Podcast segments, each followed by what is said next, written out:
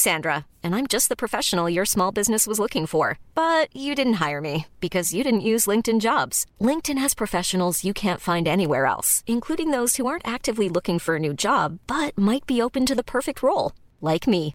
In a given month, over 70% of LinkedIn users don't visit other leading job sites. So if you're not looking on LinkedIn, you'll miss out on great candidates like Sandra. Start hiring professionals like a professional. Post your free job on linkedin.com/people today. Burrow is a furniture company known for timeless design and thoughtful construction and free shipping, and that extends to their outdoor collection.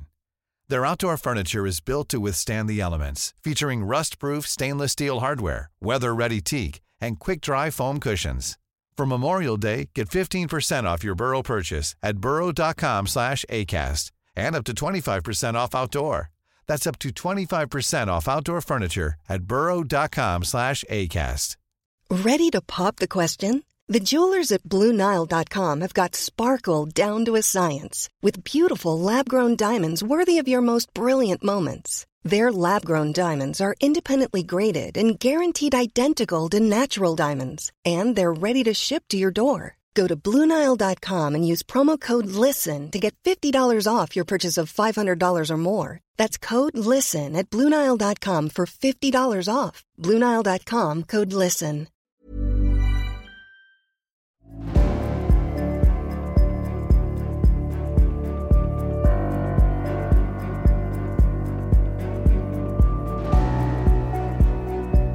Du lyssnar på podcasten Samtal, en podcast med fokus på fria samtal. Den här podcasten presenteras av tidningen Bulletin. Om du vill få tillgång till samtal sju dagar före alla andra så kan du gå in på www.bulletin.nu och bli prenumerant. Då får du också ta del av hela Bulletins premiumutbud. Kom ihåg att Bulletin också finns som app till både iOS och Android. Länkar hittar du i beskrivningen till det här avsnittet eller på min hemsida www.samtal.ax. Jag släpper nya samtal alla onsdagar året runt och jag tar tacksamt emot tips ifall det finns någon du vill höra i podden. Idén bakom podden är att fokusera på fria samtal. Jag tror att öppenhet är grunden för det demokratiska samtalet och jag vill uppmuntra dig som lyssnar att exponera dig för samtal med någon du inte håller med. Jag heter Jannik Svensson och du lyssnar på podcasten Samtal. Emil Nilsén är från Dalarna. Han föreläser och coachar inom ämnet ADHD. Han driver också samtalspodden Vi måste prata och betecknar sig som en del av Banjohögern. Välkommen till podcasten Samtal, Emil Nilsén. Tack så mycket Jannik. Du som driver en samtalspodd och jag som driver en samtalspodd, vi har ju lite Pokémon-kort att utbyta. Vilka gäster borde jag ha med i samtal? Nej, men Mm. i, vi, ja, i samtal heter det. Jag ju vet ju inte vilken podd jag är med i nu. Vilken... du förstår vad jag menar. Ja, jag förstår. Och du har redan tagit mina två bästa kort. Jag var ju först på Axdorf och Per-Ola. Var du det? Jajamän. När hade du med Per-Ola Olsson då? Ja, det, han var en av mina första gäster i, i säsong två, så det är snart ett år sedan. Okej, jag hade med honom 10 februari i år. Ja, nej, det spöar jag. Det, det tar jag med besked. Ja, jag har ju gått in i en, vi har ju gått in i ett mycket djupt och ondskefullt samarbete där med, med Bondepraktikan, en podd som de två driver nu. Mm. Som Det är som- det är standardlyssning för mig. Det är, den är väldigt bra. Jag har faktiskt varit med i ett avsnitt som ännu inte är sänt. Ja, det är, jag, jag producerar ju den podden och jag, mycket, jag är mycket, mycket, mycket stolt över den. Det är också, den är också, ska säga, också nominerad i två kategorier till Guldpodden. Årets podd och Årets nykomling. Mm.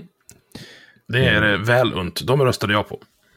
Ja, jag måste säga att jag också gjorde det. det, det. Så att, Rickard Axdorff och Per-Ola Olsson, de har ju båda varit med i, i både min och din podd. Men har du någon, något, något guldkorn som, som jag måste ha med? Ja, du ska få min lokala favoritpräst Sten Boman som är med i ett av mina första avsnitt. Han eh, har fantastiska eh, erfarenheter från livet och en syn på religion som, som är väldigt spännande att diskutera med honom.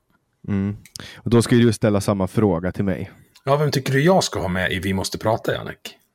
Ja, jag hade ju alltså oktober 2020, september-oktober 2020, det var bland mina bästa, min, min, alltså den här poddens absolut bästa tid. Eller nej, hösten, alltså förra hösten. För då hade jag två avsnitt som var helt utöver det vanliga.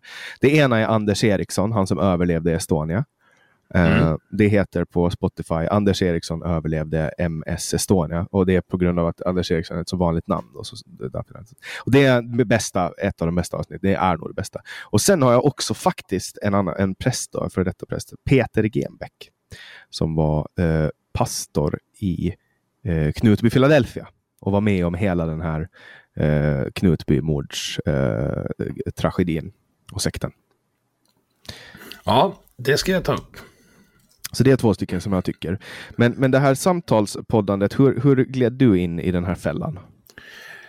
Ja, det hela började för två år sedan när jag gick ut, jag gick ut väldigt ambitiöst med att köra både video och eh, bild med ett produktionsteam på tre pers. Och det drog ju iväg eh, pengamässigt. Så det i kombination med pandemin gjorde att säsong två, vilket är den som pågår nu och förmodligen kommer pågå för alltid, eh, bara är audioell, då, precis som, som den här.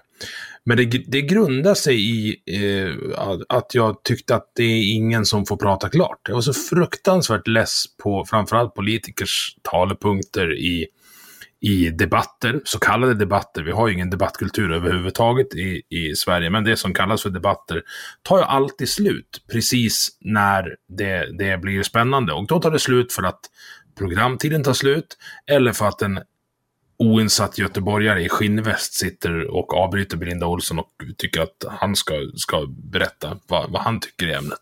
Så det var det, alltså spännande människor som får prata till punkt och eh, studsa sina tankar mot, mot mina tankar. Det var, var tanken med det hela. Mm. Och då finns det ju två sätt man kan göra det på. Antingen så tar man jobb på public service och så tvingar man igenom det här. Och så tvångstar man pengar av folk och gör det. Eller så gör man det som du har gjort. Ja. Du gör det en gräsrotsgrej. Helt, helt eh, självfinansierat. Eh, till att börja med, jag, har fått, jag fick spons på lokal av, av den lokala Sparbanken här i Leksand. Första, första säsongen när vi spelade en video. I övrigt är det eh, bara självfinansierat. Ja, jag har fått några sponsorer som varit med och hjälpt till. Köpt in en mick och en dator och, och lite grejer. Men annars... Du, du tycker att folk inte fick prata till punkt. Du drog igång den här podden och, och, hur var dina förväntningar versus verkligheten? Det här är väldigt spännande för mig, för jag har gjort exakt samma resa som dig. Mina förväntningar var att det skulle vara svårt att få tag på gäster, men det är det ju inte. Folk som är spännande eh, har någon slags självinsikt om att de är spännande och har därför särskilt ofta inte problem med att prata om det de, de liksom har förkovrat sig i och som är deras expertområden. Jag har haft riksdags, så här, lokala prästen, riksdagsledamöter, eh, två av eh, dina vänner från haveristerna. Eh, alltså det, det bara rasar in folk. Och så det, häromdagen hörde det av sig en, en lyssnare och tyckte att han skulle vara med, så han ska spela in mig på fredag. En lärare som tyckte att jag var lite, eh, att jag hade en felaktig bild av svensk skola. Så det ska bli, det ska bli intressant. Och det, det är roligare ju mer osams man kan bli. Ja, för så länge man kan samtala med varandra så är ju det liksom, man kan ju vara hur osams som helst och ändå ha hur bra ja. relation som helst. Uh, det, det, finns ju ingen motsättning där, men sen blir man ju, det här är ju Eh, det här är ju en del av samtalsaktivismen som, som förkroppsligas av Navid Modiri i Sverige. Eh, men också Aron Flam, hans podd Dekonstruktiv kritik är ju i någon mån samtalsaktivism. Men, men det här kommer ju egentligen från Joe Rogan. Ja, min, min, min resa är ju eh, lite så här, du, du är involverad i den också. Jag lyssnade ju på samtalet innan jag drog igång det här. Alltså det går ju det går från Joe till Navid, till Jannik, till Emil. Det är där, det är där jag är i, i liksom evolutionen. Fantastiskt kul att höra. Och snart kommer det någon annan jävla idiot som börjar lyssna på din podd och startar en ny podd.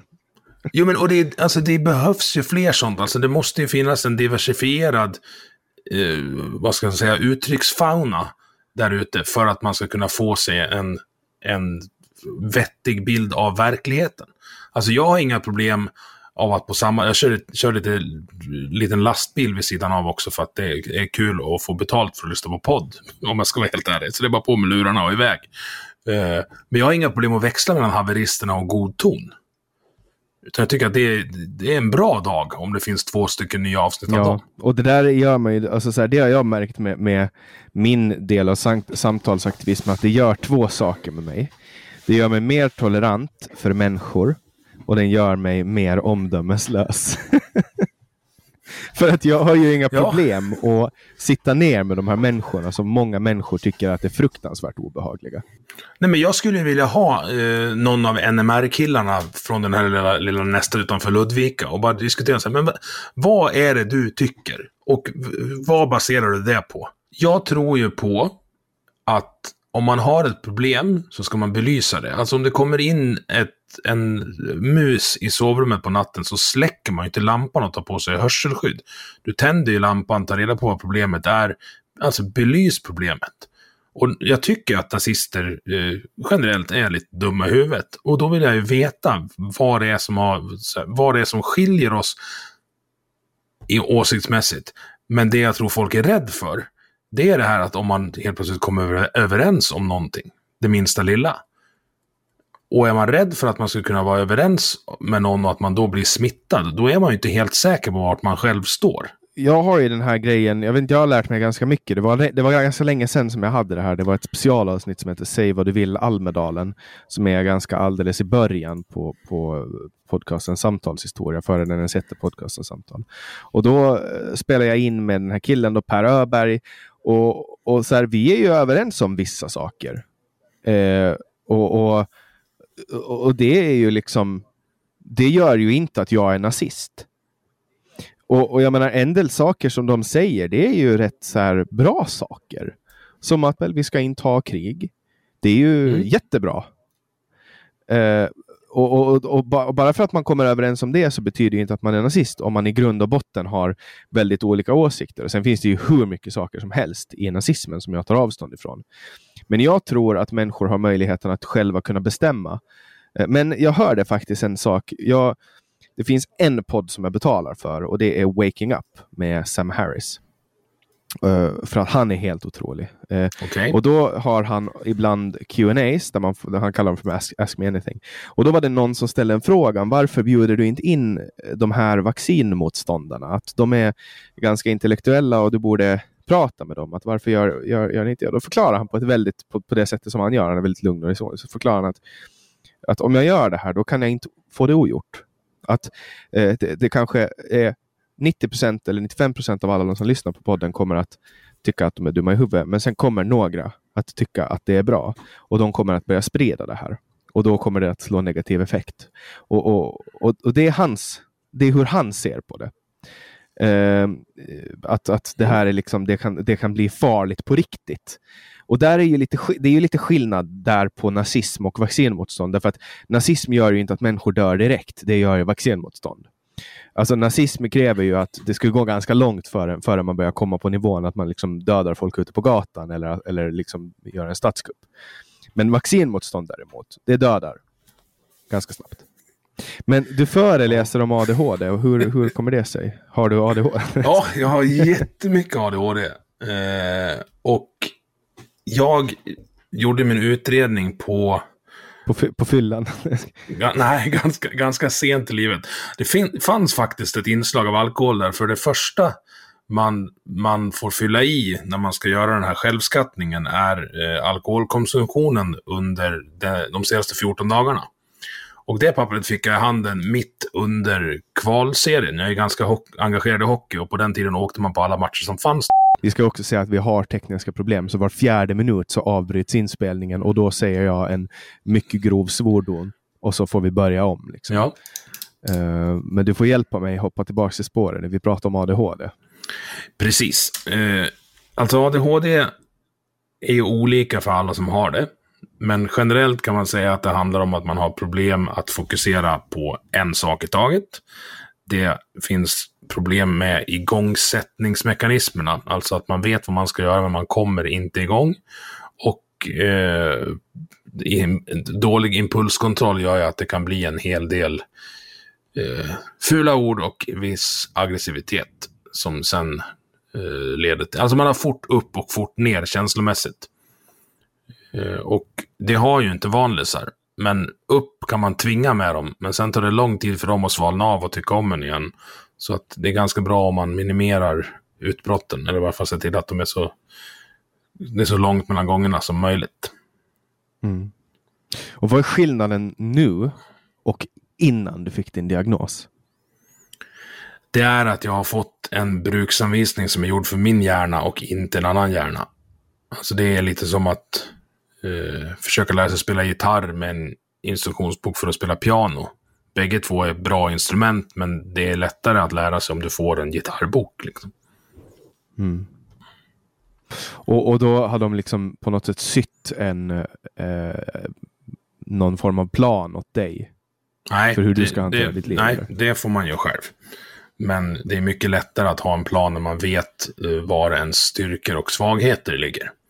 Så jag, jag uh, har lagt ut mina svagheter på entreprenad. Jag har till exempel inte hämtat in posten mer än en handfull gånger som vi flyttade till hus för snart tio år sedan. Utan det gör min fru. Och sen tar jag hand om gräsklipparen och uh, fiberuppkopplingen för att vi är olika bra på olika saker. Varför hatar du kvinnor? Det gör jag ju inte. Nej, men jag skojar. Men det, det, alltså det där diskuterar jag gärna. Jag, jag är ju av den, den här hemska åsikten att det är skillnad på killar och tjejer. Hur, kan du, hur kan du tycka det? Vad har du varit med om för trauman när du växte upp? jag har en mamma, en fru och två döttrar. Jag är, om, jag är omringad av dem. Jag lever i ett matriarkalt förtryck och jag trivs med det. Du är den förtryckta. Ja, Eh. oh ja. Eh, nej men det där att, att, att outsourca sina svagheter, det är väldigt effektiv metod för att få si- sitt liv att funka. Och, och jag tycker inte att det är nå- något fel på att till exempel om, om, man, alltså alla människor tror jag i grund och botten mår bra av att ha det städat hemma. ja. Eh, att, att då ta in någon som kommer och städar åt en en gång i veckan eller en gång varannan vecka. Det är ett ganska bra sätt att höja livskvaliteten. Nu gör inte jag det. Jag önskar att jag skulle göra det. Nu gör inte. Men, men det är någonting jag absolut skulle kunna tänka mig att göra i framtiden. Det är också lite time management. Men, men att outsourca saker som, som man inte kan, det är, det är en riktigt bra grej att göra. Och det roliga är att där finns det ju kulturella skillnader med vad man ser ner på. Alltså alla tycker att alltså, ja, men du borde ju kunna städa själv. Det är ingen som säger så här, men så här, du borde ju kunna byta tvättstället själv. För att det är lätt för någon som är rörmokare. Liksom. Men städning, det ska alla klara av tydligen. Ja, eller hur? Eh, sen finns det ju folk som är bättre på att städa och folk som är sämre på att städa. Ja, Eh, men, men det är precis som du säger. Eh, det, man är, det man gör mycket det, och det man är bra på, det, alltså, eh, det är jävligt stor skillnad. Och Sen har det också att göra mycket med motivation. Jag har ju perioder där jag är extremt produktiv och kan låta min omgivning förfalla för att jag är så upptagen med att producera saker. Vara liksom produktiv. Eh, och då är det ju bra att ha någon som hjälper en eller kompletterar en. Och då är det ju väldigt bra om det är personer man lever med. Man kan ju också betala för de tjänsterna. det är ju samhällsekonomiskt bra också. För om du då är väldigt produktiv, då är det ju bättre att du jobbar två timmar och kan fakturera ganska mycket för den tiden, än att du lägger två timmar på städning och eh, den personen som då jobbar med städning går arbetslös de två timmarna. Exakt. Alternativkostnad. Ja, Eh, det är väldigt smart. Vad har du annat för, för sätt som du hanterar din, din ADHD? jag ser till att inte hamna i bråk längre. Eh, jag var väldigt bra på att, att hitta bråk eh, under en period i mitt liv. Och det blir ju en... Bråk är ganska roligt, men en väldigt dyr hobby i längden. Så det, det får man undvika. Och nu för tiden så går jag hem från krogen, de få gånger jag är ute på krogen, går jag hem oftast 30, sekund, eller 30 minuter innan det blir bråk. För att jag ser det redan när det är på gång. Vad har jag? Där kom, där kom de i sin sänkta bil och beställde en flaska tequila och började kasta skinnvästar omkring sig. Nej, men nu är det dags att gå hem.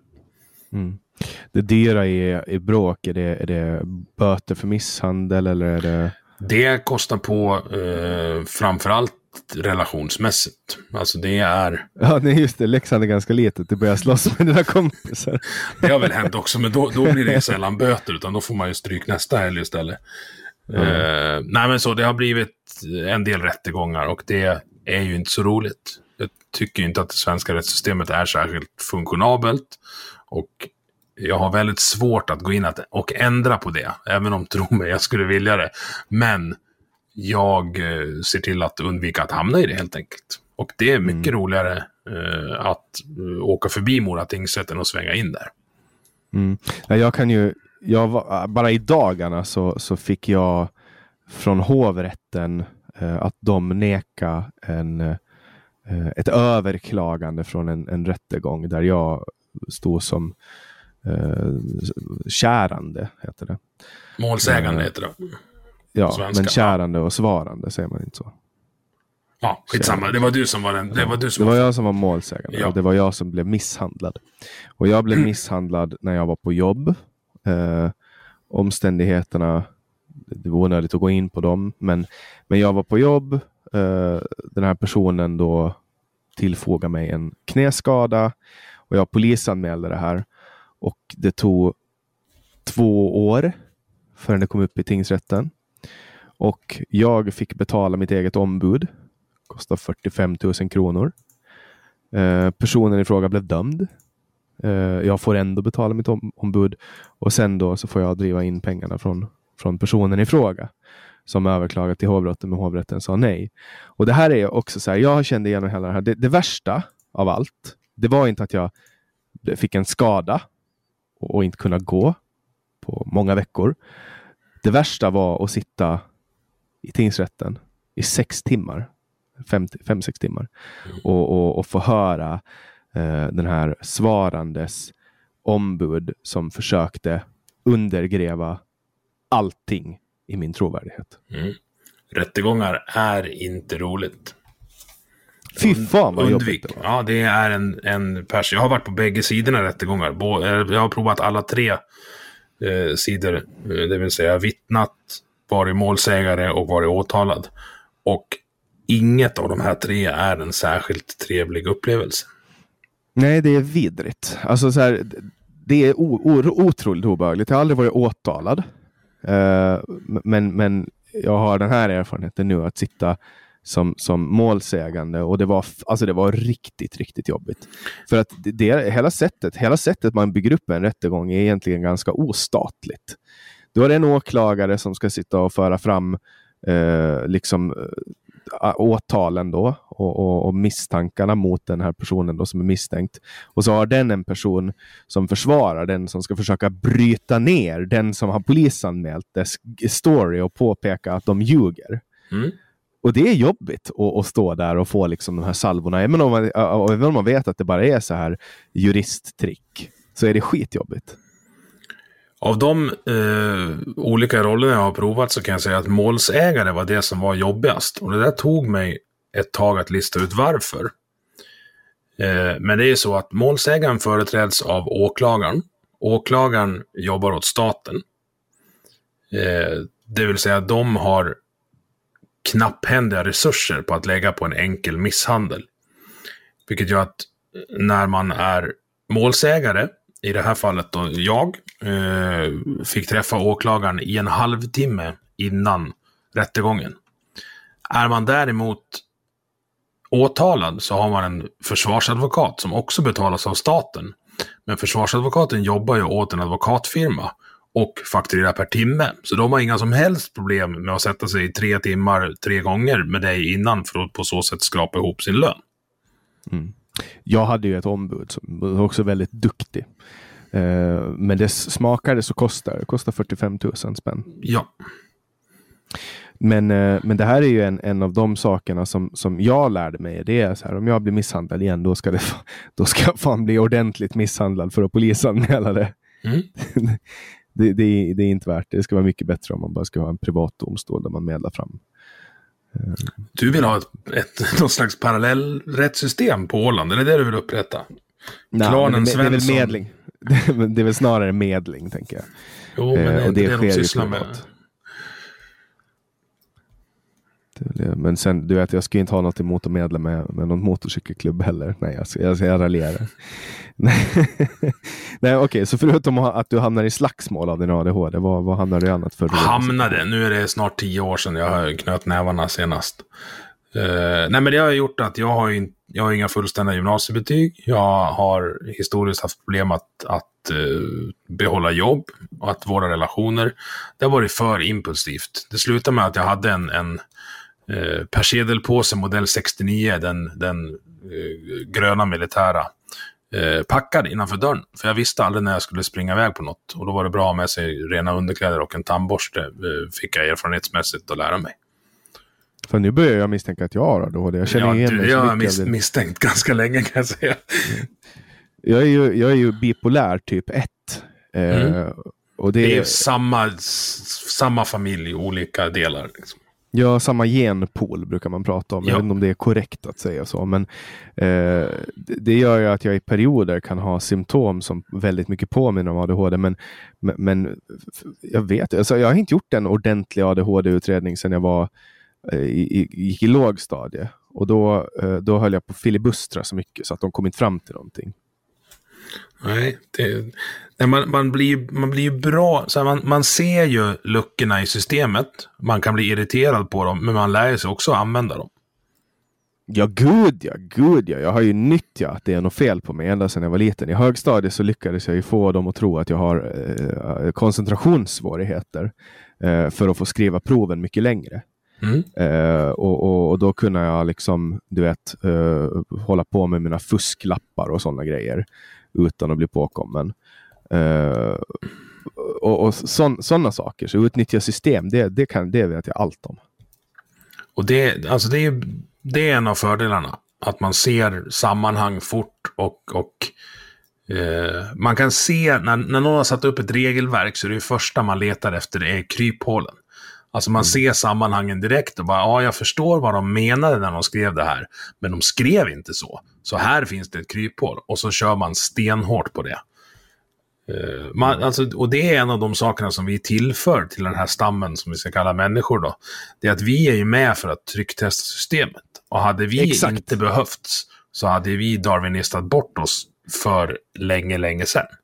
Exakt, och det är det där, ja, det där, det där är en poäng som jag ofta brukar göra och jag kallar det för, för eh, f- vad, vad kallar jag det ens för? Någon form av uh, fritids eh, evolutionär eh, teori, typ. Eh, jag föreläser ju också om, om bipolär sjukdom, precis som du föreläser om ADHD. Vi har så många likheter så att det är nästan lite obehagligt. Det är bara det att jag inte har skägg, det har du. Ja, Eh, och, det är väl typ det enda som vi är på. Och sen är du från, från Da- Dalarna. Jag är från och så väger de 50 kilo mer än dig också. Ja, men alltså den här den sista tiden har varit ganska hård på mig. Alltså jag har fan gått upp ganska mycket måste jag säga. Frågan är, vem är det som intervjuar vem just nu? Har du tänkt på det? Ja, det, det är lite svårt att säga faktiskt. Mm. Vad, vad, hur upplever du det? Nej, men det är två samtalspoddar som kolliderar i en vacker krasch just nu. Det tycker jag är bra. Ja, det, det, det hände ju en gång eh, när jag poddade med Niklas Hermansson att han intervjuade mig under två timmar. Och, och du vet, det är ju inte så att man säger nej till när jag skojar. nej, men det, det, jag ska gå tillbaka till det här med evolutionär filosofisk teori. Amatör evolutionär filosofisk teori. Vilket är att människor med bipolär sjukdom måste ju ha någon form av syfte, annars skulle vi ha dött ut. Ja. Jag menar, kollar man på, på, på väldigt många eh, kända musiker, eh, skådespelare, uppfinnare och så vidare, så har de många gånger någon form av bipolär sjukdom eller ADHD eller, eller liknande. Att vi har ju uppenbarligen någon funktion. Ja, och det där handlar om att om man tar ett spindeldiagram på de här sju mänskliga, eh, vad kallar man Traits heter det på engelska, men de sju mänskliga egenskaperna. Drag. Ja. Drag. Så har ju vi oftast en ganska spetsig spindel. Det vill säga att med- medan de flesta vanlisar ligger mellan tre och sju på alla, så ligger vi oftast på åtta och nio på två, men tre på någon. Liksom. Det vill säga att vi är, vi som har någon form av det som kallas för störning då, är ju att vi, vi blir superbra på en del saker, men sen är vi tyvärr dåliga på annat. Och då gäller det, i coachingen som jag håller på med, då gäller det att hjälpa folk att få upp sina svackor till från, från ettor och tvåor till treor och fyror. För när de slutar vara i vägen, det är då du kan dra fördel av det du är bra på. Alltså när du har identifierat dina brister så kan du lära dig att hantera dina brister och när du hanterar dem, då slutar de att vara brister. Ja, eh, man brukar inom anonyma alkoholister och tolvstegsrörelsen brukar man prata om karaktärsdefekter. Mm. Det finns många väldigt olika anekdoter och, och förklaringar för och modeller för att få folk att förstå de här sakerna. Man brukar prata om karaktärsdefekter som, som, som att man har ett, som ett ljudreglage som man har dragit upp för mycket. Då blir det en karaktärsdefekt. Drar man ner den, då blir det ett karaktärsdrag. Mm. Och Det enda man behöver göra är att lägga band på sin karaktärsdefekt och dra ner den lite. Då blir det, eh, då blir det ett karaktärsdrag och då kan man helt plötsligt använda det till någonting och göra det till en tillgång. Mm. Assets and liabilities. Liksom. Precis. Och när man då i mitt fall har, har karaktärsdefekten över att man, ja, så här, man låter, låter argare än vad man är, pratar högre än man borde och ser farligare ut än vad man egentligen borde. Eh, då kan man till och med bli ännu jobbigare att tas med om man går ner och börjar prata lite lugnt. Släpper ner axlarna och inte ser farlig ut alls. Men att folk ser i ögonen att, jaha, den här kan ju växla upp om det behövs. Alltså som en V8 som står och puttrar. Det är det vackraste ljudet som finns. En V8 låter ju mycket mysigare innan den börjar varva.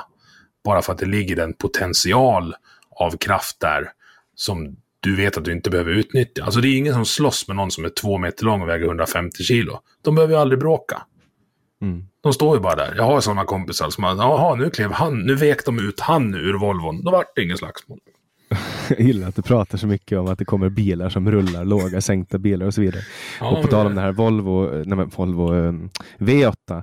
Det, jag såg en elektrisk, hund, alltså helt elektrisk Mustang häromdagen. Mm. Och då blir jag att tänka så här, vad håller Ford på med egentligen? Jag kör, jag kör ju Ford, en, en hybrid. Och då tänkte jag så här, vad håller Ford på med? Varför gör de en, alltså det där är ju bara ett sätt för dem att tjäna pengar. Att de tar en bil som ska ha en fucking Big Block V8 som bara, du hör bara hur det bubblar bensin när man startar den. Mm. Och, så, och så stoppar de en elmotor i den och, kallar, och lägger en häst där framme och kallar den Mustang.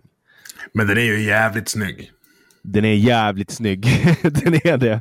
Och, men ändå, det är konstigt för att en, en, en Mustang ska ju ha en V8, eller hur? Ja. Men den är jävligt snygg, jag håller med dig. Jag har Eh. ju elbil och solceller, så jag vet inte om jag kommer få något inbetalningskort till Miljöpartiet här. Men jag har också en motorcykel. Vad har du för bi- elbil då? En Golf. En Golf? Jag, jag funderar på en Kia elbil, eh, en sån här plug-in hybrid. Men den var, den, den, problemet med den som, som gjorde att jag valde att inte köpa den och köpa en Ford istället, det var ju att det här driftsbatteriet, den kan, det, det går inte att koppla till värmepaketet. Så att när det är kallt, eh, då får du inte värme direkt när du startar bilen. Utan du måste köra på bensinmotorn för att kunna få värme. Ja, men det funkar ju inte norr om Berlin. Det är bara att lägga ner. Mm. Jag, jag, jag, jag skulle vilja ha en plug-in hybrid. För du vet, på Åland skulle det vara perfekt. Du kommer 50 kilometer. Du kan köra hela dagen med allt du håller på med och, och, och behöver bara köra på el. Och sen när jag kör till Sverige, då kan jag köra på bensin. Men nu hoppar vi väldigt mycket. Åter till ADHD ADHD. Precis. Ja, din ADHD triggar min eh, ADHD som jag inte vet om finns. Det var det jag var lite rädd för när vi kom fram till att vi skulle ta det här samtalet. Men det, eh, de som har ADHD och sitter och lyssnar, de är ju förmodligen med på det hela. Ja, Men, men så här är det, alltså ADHD tar ju en till eh, ställen där vanlisar inte kommer. Och ställen där, eh, då får man erfarenheter, även, även dåliga saker som händer. Alltså så här, att jag har strulat när jag var 22 och hamnade i rättegångar. Ja, det kanske inte känns så jävla roligt då. Men när ens kompisar blir vittnen till ett olaga hot och mår jättedåligt över att de ska på rättegång, ja men då kan jag plocka fram den erfarenheten och sätta mig i fikarummet och säga, ja men så här går det till, ni behöver inte vara oroliga, jag följer med om det behövs. Så även dåliga erfarenheter, eller även dåliga upplevelser kan bli bra erfarenheter över tid. Det ska man ta med sig. Alltså vi, vi trycktestar som sagt systemet. Vi, eh, ja, vi springer först in i, i ett rum där, där, där man kanske inte ska springa in och så tar vi reda på vad som finns där inne. Och så kan vi berätta det för de andra. Så man har liksom en liten, någon slags, rollen av någon slags, ja, Alexander Bard hade kallat det för schaman, men jag vet inte vad jag ska säga. Men man, man, man går före och går på minor och sen kan man lära folk att inte gå på samma med erfarenheter av dumma saker. Det, jag, jag har ganska många exempel på det. Eh, Det mest tydliga är alltså när man har varit ute och härjat så har man fått ringa SOS några gånger. Eh, För att någon, någon ja, man behöver få dit en ambulans helt enkelt. Och har man gjort det några gånger, då sätter det där sig i någonstans i muskelminnet. För oftast är det under en stressfylld situation, vilket gör att man är känslomässigt engagerad och sådana situationer har en tendens att sätta sig hårt i minnet. Så eh, när min kära fru helt plötsligt började föda barn bak i våran bil så var det ett väldigt effektivt samtal till SOS som jag drog av. Det vill säga, hej Emil Nilsén, den här adressen, det här är telefonnumret, min fru håller på att föda barn, vi är två veckor tidigt.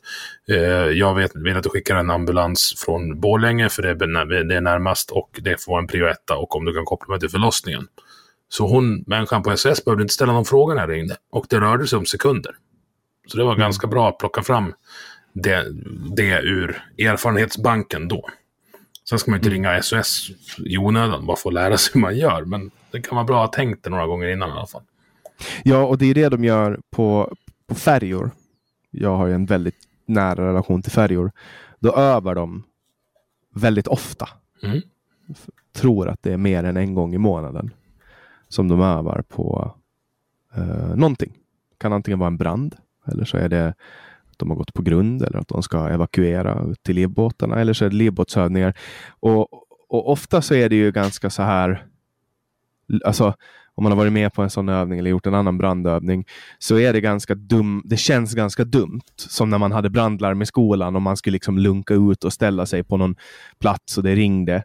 Det är ganska dumma saker, men, men det, det gör man ju för att liksom repa in det i minnet så att man ska kunna ta fram den här adrenalinen pumpar. Ja, det är för sent att börja rita på en plan då. Planering gör man, fick jag lära mig i, av svenska armén, när man är trygg, mätt och torr. Då gör du planer. Sen finns det ingen plan som överlever första skottet. Det har aldrig hänt i militärhistorien. Allting skiter sig när det börjar skjutas. Men om du inte har det där mittlinjen att relatera till så vet inte du vilka beslut du ska ta när det börjar smälla. Det där går att applicera på livet. Det är i synnerhet jävligt viktigt för oss som har ADHD att vi sätter den där planen tillsammans med våra nära och kära när vi har en bra dag. För när vi har en dålig dag, då tappar vi förmågan att planera och då gör, utför vi bara saker. Och om, de, om, man då har repat in en plan, precis som de på färjan repar in sina, sina nödutgångar och vad livbåtarna är, då är det mycket lättare att hamna rätt. Det funkar mm. inte alltid, men du ökar chansen att ha en bra vardag med din familj om ni sätter ner och gör planeringen. Mm. Någonting jag har övat ganska mycket på under min ungdom. Jag var väldigt engagerad i eh, i Finland finns det något som kallas för frivilliga brandkåren. Det finns inte jättemycket i Sverige. Men i Finland är väldigt stor del av brandskyddet frivilligt. Mm. Och, och, brandbilar då, som bekostas av kommunen Eh, och så frivilliga brandmän helt enkelt som får utbildning då, som bekostas till viss del av staten och kommunen. Och, sånt. Och, och, så gick jag väldigt mycket på, på alltså jag var också med i Röda Korsets första hjälpen-grupp och då övar man väldigt mycket, ofta också, på Heimlich manövern, mm. att någon får i halsen. Och, och, det där gjorde jag många gånger under uppväxten, att man gör den här övningen. Och det, det, det är inte lätt att göra en Heimlich. Det, det, är ganska svårt och det kan bli fel. Uh, och så. Men det man gör före man gör en Heimlich, det är alltid att man slår, man ska göra det, man slår uh, sin uh, handflata mellan skulderbladen. Och, och, först ber man dem hosta. Om det inte kommer upp någonting så försöker man slå på ryggen, alltså mellan skulderbladen och sen då tredje steg och göra Heimlich. Mm. Uh, och, och, jag hamnade i en situation där jag stod utanför en restaurang och så kommer det ut en kvinna som är blå i ansikte och, och, och bland det obehagligaste jag har sett i hela mitt liv. Och hon hade fått i halsen. Och då, då, då kom det där direkt liksom eh, att, att jag, eh, jag glömde faktiskt be henne hosta, men, men jag dunkade henne mellan skulderbladen, började dunka henne mellan skulderbladen så att den här köttbiten kom, kom upp ur halsen. Och, och, och det var också en sån grej som, som du vet, att man har liksom repat in det, övning mm. efter övning efter övning. Eh, för att det finns en risk alltså med att göra den här Heimlich, att man trycker ut den luft som finns i lungorna och då får man inte tryck på den här, det som har fastnat i halsen och så är det svårt att få ut det. Eh, men, men, jag är väldigt glad över att jag slapp göra den här manövern, för att man vill ju inte göra den, det är ju fruktansvärt. Vet du vad steg fyra är om de får i halsen? Då? Är det att stoppa i fingrarna och leta? Eller? Nej, det finns en variant faktiskt, men jag tror att det är steg fem där man petar. Jag ska inte säga, alltså, gör aldrig det här om ni hamnar så att man petar ner det i ena sidan av lungan. För att då kan man få luft med ena lungan. Men det är att man gör en nödtrakeostomi, alltså man, man gör ett hål i, i, i strup, uh, alltså adamsäpple. Där drar jag gränsen kan jag säga. Mm. Jag tänker lite... inte börja skära någon i halsen.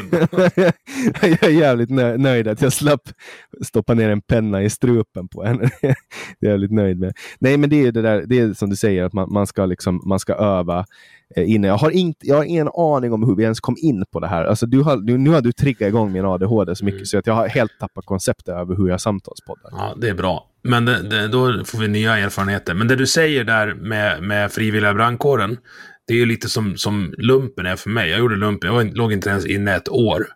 Men allting, alla skarpa situationer jag har gjort, hamnat i sen dess, har jag gått in i som soldat. För det där gör något med en. Mm. När du får, ett, du får ett sammanhang, du får en utbildning. Eh, jag har inte så många kompisar kvar sedan dess, men, men alltså du, ja, det är bra det är jävligt bra att engagera sig i någon slags frivillig organisation överhuvudtaget. Gör det. Mm. Ja, det är det som skulle bära samhället om staten rasar. Eh, när staten rasar. Ja, när staten rasar. Men jag menar, det är ett ganska bra exempel. Jag menar, hur mycket lägger man ner på, på brandskydd i Sverige och så jämför man med Finland. Där, alltså så här, finns det inget brandskydd, då anordnar folk det tillsammans. Och mm. Frivilliga brandkårerna, många av dem är ju äldre än finska staten. Det där är ju ett koncept som borde gå att implementera även på den här sidan sjön. Ah, det är svårt om man ska börja från början. För att det här är, är ju långa, långa traditioner. Det finns vissa frivilliga brandkårer i Sverige, vet jag. Men, men det är inte alls på samma sätt som det är i Finland och Tyskland till exempel.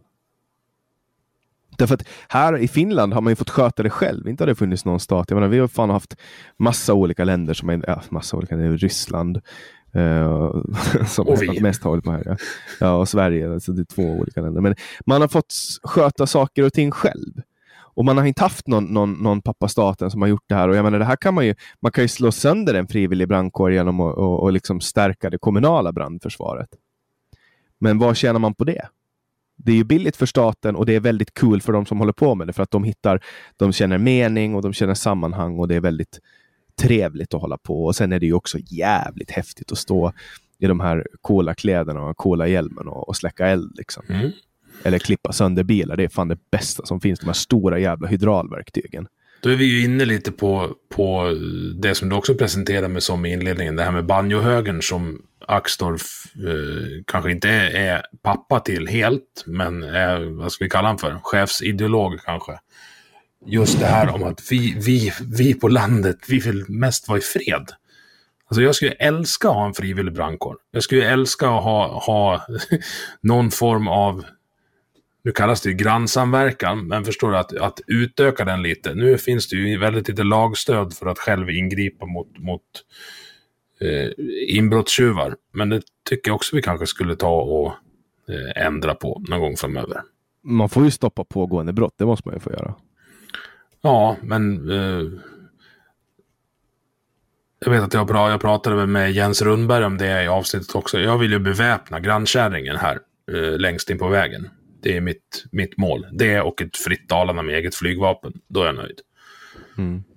Eh, ja, det finns ju väldigt mycket vapen ute på landsbygden. Man får ju inte använda det mot annat än rådjur när det är jakt. Liksom. Så är det. Ni har väl kanske inte mycket rådjur. Ni jagar väl vad fan, ni jagar uh, hjort vi har väldigt mycket rådjur. Även det var, det ett, par, var ett på verandan här. Förra vintern, eller förra våren när jag städade uh, altan efter vintern så hade jag rådjursskit i hammocken. Uh, så, så de är ganska nära. De har alltså legat och sovit i hammocken utanför vårt sovrumsfönster. Nej, men uh, alltså det där med vapen är, är ju spännande. Vi har ju en väldigt beväpnad landsbygd. Uh, men det finns ingen rätt att använda det i självförsvar. Och jag, alltså så här, när jag diskuterar det här med, med uh, vänner och bekanta så tror ju de att jag, har, att jag vill flytta till Texas. Men det handlar inte alls om det, utan det handlar om att... Uh, alltså så här. Min lillebror är polis. Uh, jag vet inte om han jobbar ikväll, men om, om han jobbar ikväll så är han och en annan polis, då jobbar de ikväll. Då skulle de täcka av från Gävle till Sveg kanske. Eh, skulle jag få inbrott så kommer det ta jättelång tid innan polisen kommer hit. Skulle jag få inbrott, då tror jag att jag kan hantera det ganska bra här. Granntanten däremot, hon har inte en chans. Hon bor längst in på vår väg. Det är 300 meter innanför oss, in i, inte in i skogen men ut på åkern. Hon, det är ingen som hör om hon skriker. Hur ska man kunna jämna ut oddsen på något annat sätt än... Än en automatkarbin i granntantens famn. Alltså nu, nu pratar du porr här, men alltså det, det... Nej, men en liten pistol kanske. Och hon ska aldrig behöva använda den om folk vet att ja, men här har folk vapen hemma för självförsvar. Ja, fast då tar ju, de, då tar ju inbrottstjuvarna med sig ännu mera vapen. De har redan jag. vapen, Jannik. Ja, det är sant. Det är sant, men de kanske blir lite mer trigger happy. Nu tar jag, nu tar jag rollen som djävulens advokat. Ja, jag tycker också och jag vet, och det här, är, det här är ingen lätt diskussion. Men det där är ju en oddsutjämnare. Det är vad det är. Jag är ute efter vad som helst som kan jämna ut oddsen. För ska vi vara helt ärliga så är jag farligare utan pistol än vad hon är med, granntanten. För en inbrottstjuv. Mm. För att du är stor? Ja. Skäggig. Ja. Mm. Jag ser farlig ut. De kommer möta en naken Emil med en yxa i hallen och då vänder de. Mm. Det, det, är inte på grund av yxan, men du vet den här Björn Rosenström, eh, om du tar av min byxa ska du få se en yxa. ja. Mm. Bra referens. Ja, eller hur? Man måste ju prata med bonden på bondens vis. Ja. Det enda ni förstår är ju raggarvisor. eller hur? Vi skulle kunna diskutera Johan Sebastian Bach också, men då kanske du inte hänger med. Jag har, jag har absolut ingenting emot klassisk musik. Nej, jag har precis introducerat mina, mina barn för det. Du, du tar mig inte för personen som sitter och lyssnar på klassisk musik faktiskt. Nej, jag tror du har fullt upp med att jobba om jag ska vara ärlig just nu. Vad menar du? Ja, du sa ju det själv att det var lite stressigt på slutet. Mm. Ja, gud ja. Men det ska vi ta när jag intervjuar dig. Då ska vi prata om, om din karriär någon gång. Men om klassisk musik? Vad har det med klassisk musik Jag tror inte att du har tid att sätta dig ner och sätta på en, ja, en på det sättet. Ja. Men, det, men det kanske skulle vara bra för mig. Ja, ja, ja. Det är jag helt övertygad om. Mm, och jag lyssnar på klassisk musik. Det gör jag. jag har, det, det har jag absolut eh, ganska mycket faktiskt. Men, men, men det är inte så att jag sätter mig ner och liksom du vet, läser något gammalt nothäfte och myser ner till någon gammal månskenssonaten. Liksom så, så, har jag aldrig varit. Men, men jag lyssnar väldigt mycket på, på, just nu har jag en period där jag lyssnar väldigt mycket på Abbey Road, albumet av mm. Beatles. Och, och, det går på repeat. Det är ett väldigt bra album. Eh, jag tänkte lite mer klassiskt än så. Jag är inne på Rondo alla Turca av Mozart. Är, är jag helt såld på. För att jag har konstaterat att den är hårdrock. Mm. Du, du tar mig mer, alltså, alltså jag, ska, jag tänker mer att du går i så militärbyxor och lyssnar på Sabaton. Ja. Det är vad jag tar det som. Det ligger faktiskt ett basplektrum från Per här med en Sabaton-logga. Eh, som jag mm. använder för att skrapa trisslotter. Då hade jag ju inte helt fel. Nej, eh, jag, jag lyssnade på dem en, en hel del. Men när de bytte ut halva besättningen och alla mina kompisar försvann så var det inte lika intressant längre.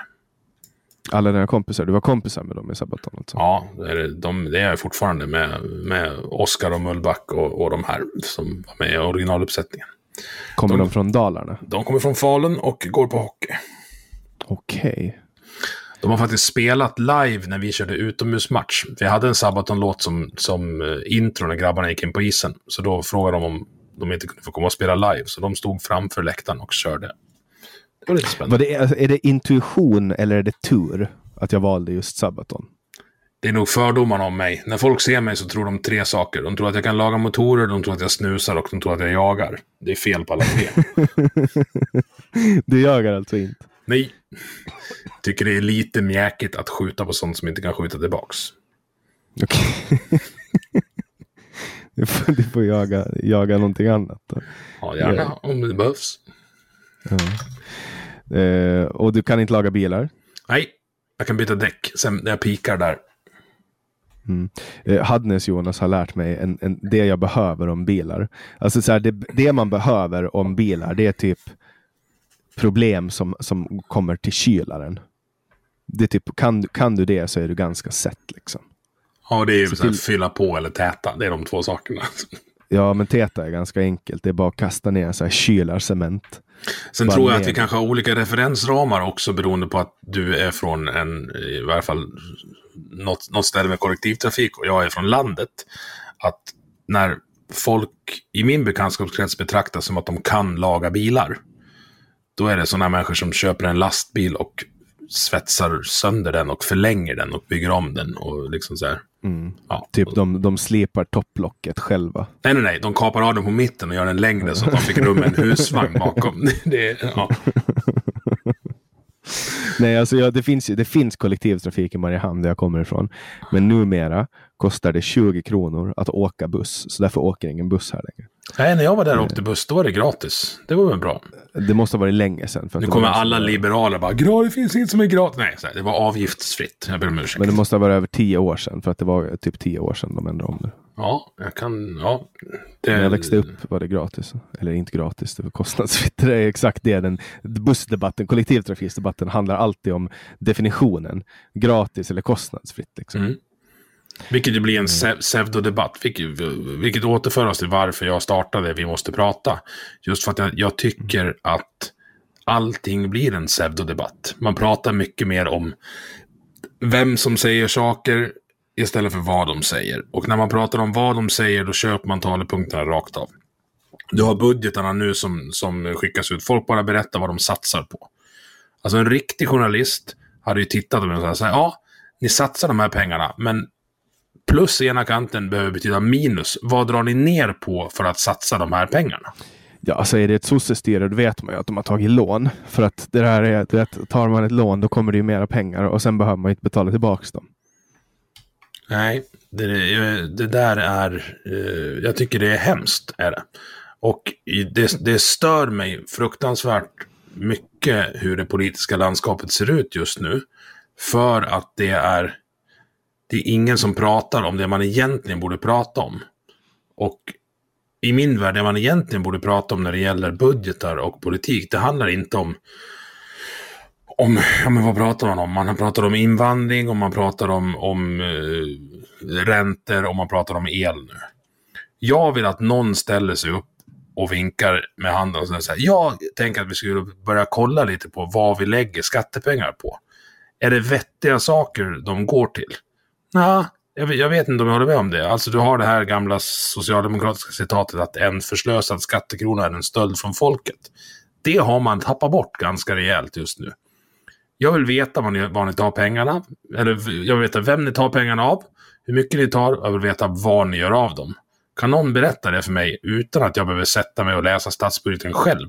Det, det är 1200 miljarder kronor som går in i statsbudgeten varje år. Vart tar de vägen? Hur mycket går till vad jag skulle definiera som trams? Men jag vill ändå, alltså så här, vad som är trams, det är en väldigt subjektiv uppfattning.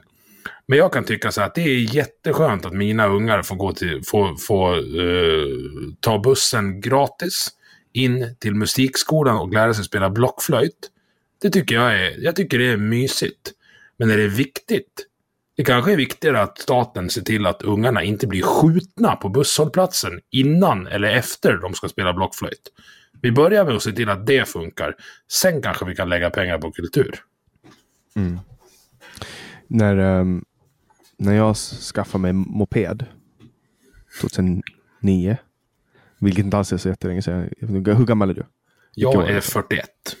Du är 41, så du är född typ 80. 79. 79. Ja. Och då, ja, 2009 då när jag fick moppekort, kostade bensinen typ under 1,50. Jag tror den kostade typ 1,30 kanske, euro. Nu idag såg jag att eh, 98 kostar över 2 euro. Mm. Eh, och det är ju inte så farligt om man bor inne i stan. Kör en hybrid som jag gör. Men om man bor ute på landet, vad, vad tänker du då om att staten pressar upp de här priserna? Jo, men det är ju också en skitdebatt tycker jag. Börja med att kolla på kvittot när du tankar. Vad, vad det är du betalar för. Börja med att knacka på hos, om du känner någon som har en mack, alltså som driver eh, en OK-mack. Och så frågar du, hur mycket får ni betalt för varje liter ni säljer? Jag har en kompis som driver en mack i Borlänge. Vet du vad han får per liter de säljer? Ja, det är ju typ ingenting. Det är exakt ingenting. Mm. Det är samma som cigaretter och... De tjänar ingenting på att sälja bensin. De får 300 kronor i månaden för att de byter kvitterullar och tvättar pumparna. Mm. Det är bara ett sätt att få in mer pengar. Och det är en straffskatt på landsbygden. Ja, det är, det, det, bensinpriserna det är en av de sakerna som, som gör mig argast. Alltså, det är därför jag vill eh, köra elbil och på det sättet så lyckas ju staten driva mig mot eldrivet. Nu var det lite, lite för dyrt när jag köpte ny bil i somras att, att gå till helt el. Jag är inte där ännu. Nej, vi, alltså vi köpte en, vi köpte loss min gamla leasingbil som jag hade på förra jobbet nu. Och det är en ren plusaffär för oss. Eh, vi åker ungefär, ja vi har 10 mil fram och tillbaka till jobbet, både jag och frun. Och hon jobbar natt och jag jobbar dag, så vi kan, ja, det blir ett par hundra mil i veckan. Och eh, mil. Och kan du prata kilometer med mig? ja, säg att det är, ja det är gånger 10. det är Ja, jag vet, men det är fortfarande jobbigt. Ja. För att mil. Men, men alltså, hur många kilometer kommer det på en laddning? Eh, 25, nej 250. 25, 250, 25 okej. mil. Det är typ drygt halva från en Tesla då. Mm. Och, och du laddar med solpaneler som du har på taket. Ja, alltså rent tekniskt sett så gör jag inte det. Utan jag laddar på natten när elen är billig. Och så säljer jag elen som jag producerar på dagen när den är dyr. Mm. Eh, Det är smartare att, att eh, göra så. Men jag har en milkostnad på runt 2 kronor milen eh, på elbilen. Till skillnad från 20 kronor milen på, vi har ju ett diesellok också, en Volvo. Eh, Som, som andra bil, för att man ska ha en V70 när man bor på landet. Det ingår, annars platsar Ja, eller om man har, eller om man har barn. Ja. Ja, de får ju faktiskt åka golf också fram och tillbaka till skolan. Men, men så här, vi, vi, det är ingen kollektivtrafik där vi, har, där vi är, så vi vill skjutsa till både dagis och skola. Eh, så att köpa en elbil för oss, det var en ren, det var ingenting med miljön att utan det var ren ekonomisk. Så då, då har ju lite, som du säger, politiken lyssnat, eller lyckats få oss dit de vill ha oss. Ja, men till vilket pris? Jag tror att folk, även om bensinen skulle, ska kosta eh, alltså om, om, om det skulle kosta 10 kronor litern så tror jag ändå att folk skulle köpa elbilar. Ja. Så är det också. Alltså det, är, det är inte så, det finns ju ingen eh, kausalitet mellan pris och antal mil körda. Det är inte så, Nej, det är folk- inte så att folk skulle ut och, och eh, okynnesköra för att det var billig bensin. Eller att man skulle, jag tror att antal mil skulle vara samma. Sen har du, alltså så här, de som har de här sänkta amerikanerna, de kommer ju åka ändå. Exakt, och, det, och det, så här, är det så att de, bensinen blir billigare, då köper de bara mer cigaretter. Eh, och french toast på Sibylla. Ja, det är full, fullt möjligt. Och utan att säga för mycket så, ra- raggarna runt omkring här, de behöver ju inte gå på bolaget. Så de skattesmiter ju där istället då. ja, men sen de dricker ju ändå bara folköl. Nej, de dricker dunk. Okej då. De behöver inte gå på bolaget. Nej, vem går på bolaget som bor norr om Gävle liksom? Ja, jag lär göra det för jag tycker om öl. Eh, Men det är nog värre, eller så här, värre eller bättre beroende på vilken sida av lagen du var. Ju längre söderut du kommer, desto mer smuggelöl är det ju. Och desto längre norrut, desto mer moonshine. Japp. Så det... Eh... Men det, alltså det är en av frågorna. Nu tar jag upp min mapp här med, med Jannik-frågor. Nu får vi se vem som intervjuar vem. Ja. Jag har ju pratat med Erik Petschler, eh, polisen som vill legalisera alla former av eh, rusningsmedel. Alltså så här, Vad- alla. Var jag före med honom eller var du efter? det vet Eller jag det är inte. samma sak. Det är samma sak. var du före eller var jag efter? Jag vet, jag har inget datum på det. Men, men jag vet ju att du är rätt öppen med att du är nykter alkoholist. Ja. vad, så här, jag gissar att jag vet svaret. Jag kanske till och med lägger in en värdering i frågan. Men så här, du vill ju inte stänga bolaget bara för att du inte kan hantera drickat, eller hur? Nej. En, en, en riktigt jävla dålig dag. Eh, då kan jag tycka att ingen borde dricka. Men eh, jag anser att jag inte har rätten att försöka liksom hindra någon. Och det är ju samma sak med, eh, med, med, med allt annat. Alltså bara för att jag inte får göra det så tänker inte jag få någon annan att inte göra det. det, där, det är som att folk, och folk har lite den inställningen när de är med mig och, och, inte riktigt känner mig jättebra, men de vet att jag är nykter alkoholist. Då kan folk bli så här, ah, nej men jag ska inte, jag ska inte ta, dricka nu här för att Jannik är med. Men det behöver man ju inte bry sig om. Fan, det skiter ju jag i. Det, är det, det, det är bättre för dig om andra människor blir roligare runt omkring dig. Då är det ju roligare. Ja, och sen, och sen, är det så här, sen kan folk också, det är ganska vanligt, folk säger åt mig så här, ja ah, men du är så stark som inte dricker. Och då är det så här, okej, okay, men, men vadå, det, alltså, det är ju bara att inte dricka. Alltså egentligen, det är ju jobbigt att sluta när man är beroende av det, men när man väl inte är beroende av det längre och har varit inte beroende ganska länge, då är det betydligt mycket lättare att inte Alltså som med cigaretter, det är lättare att inte börja röka igen än att sluta. Mm. Och när man vet det, då är det inga konstigheter. Har du varit nära återfall någon gång? Ja, varje dag sedan jag slutade för fem år sedan. Ja, men det är klart. Alltså, problem, när man är alkoholist, det har i grund och botten så är det inte, man har inte alkoholproblem eh, per se, utan det, det, det är alkohol är lösningen på problemet. Och problemet är i en själv, vilket är att man klarar inte av att hantera känslor eller vanliga, helt van, vanliga vardagliga situationer och så tar man till en enklare lösning, vilket är alkohol. Och det man måste göra om man slutar dricka och, och, och man är som jag, det är att man måste verkligen hitta en annan lösning. Det är därför många människor, man brukar säga så här, människor som slutar dricka blir kristna. Det har ingenting med det att göra, utan det har att göra med att då man hittar en annan lösning på de här problemen. Okej, de kanske haft aggressionsproblem, de kanske haft trauma från barndomen uh, och, och, som de, och som har gjort att de inte klarar av att hantera känslor, klarar av att hantera ilska och så liksom bottlar de upp allting och sen på kvällen så öppnar de spritkorken istället och dricker för att dränka det här. Mm. Som en överlevnadsstrategi. Men då när man blir nykter så måste man hitta någonting att, att ersätta det med. Uh, och, och om man hittar någonting att ersätta det med, då har man inte längre någon behov av att dricka. Vad har du ersatt det med då? Jag ersatte med Anonyma Alkoholisters tolvstegsprogram. Mm. Eh, och det är liksom som en paketlösning som funkar för alla som prövar den. Betydligt bättre än missbrukarvården som jag har testat, den offentliga vården. Betydligt mycket bättre än självhjälpsböcker som jag också har prövat. Eh, det betydligt mycket bättre än medicin. Jag har fått medicin för beroende. De menar att den ska ta bort sug. Det funkar inte. Eh, däremot har det här tolvstegsprogrammet fungerat, för då lär man sig som ett barn hur man hanterar känslor. Jaha, du blev arg nu.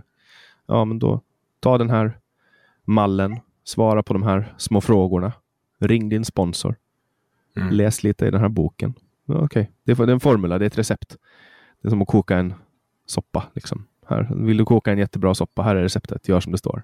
Kommer du att få en god soppa. Och det funkar. Ja, det, där, är, det där är intressant. Uh, runt om i, i ADHD-communityt som det blir när man, här, man går ut och, och, skriker att jag har ADHD så får man ju väldigt många som kontaktar en med frågor och eh, berättelser, anekdoter. Det är ju jävulst vanligt med självmedicinering, både med alkohol och men kanske framförallt cannabis i, i det här communityt. Och det är jättemånga som, som får sin vardag att fungera tack vare sprit och gräs. Och det är ju en ganska kontroversiell eh, syn på det hela. Men det är fakta. Sen är det, ganska, sen är det ett par som trillar dit också.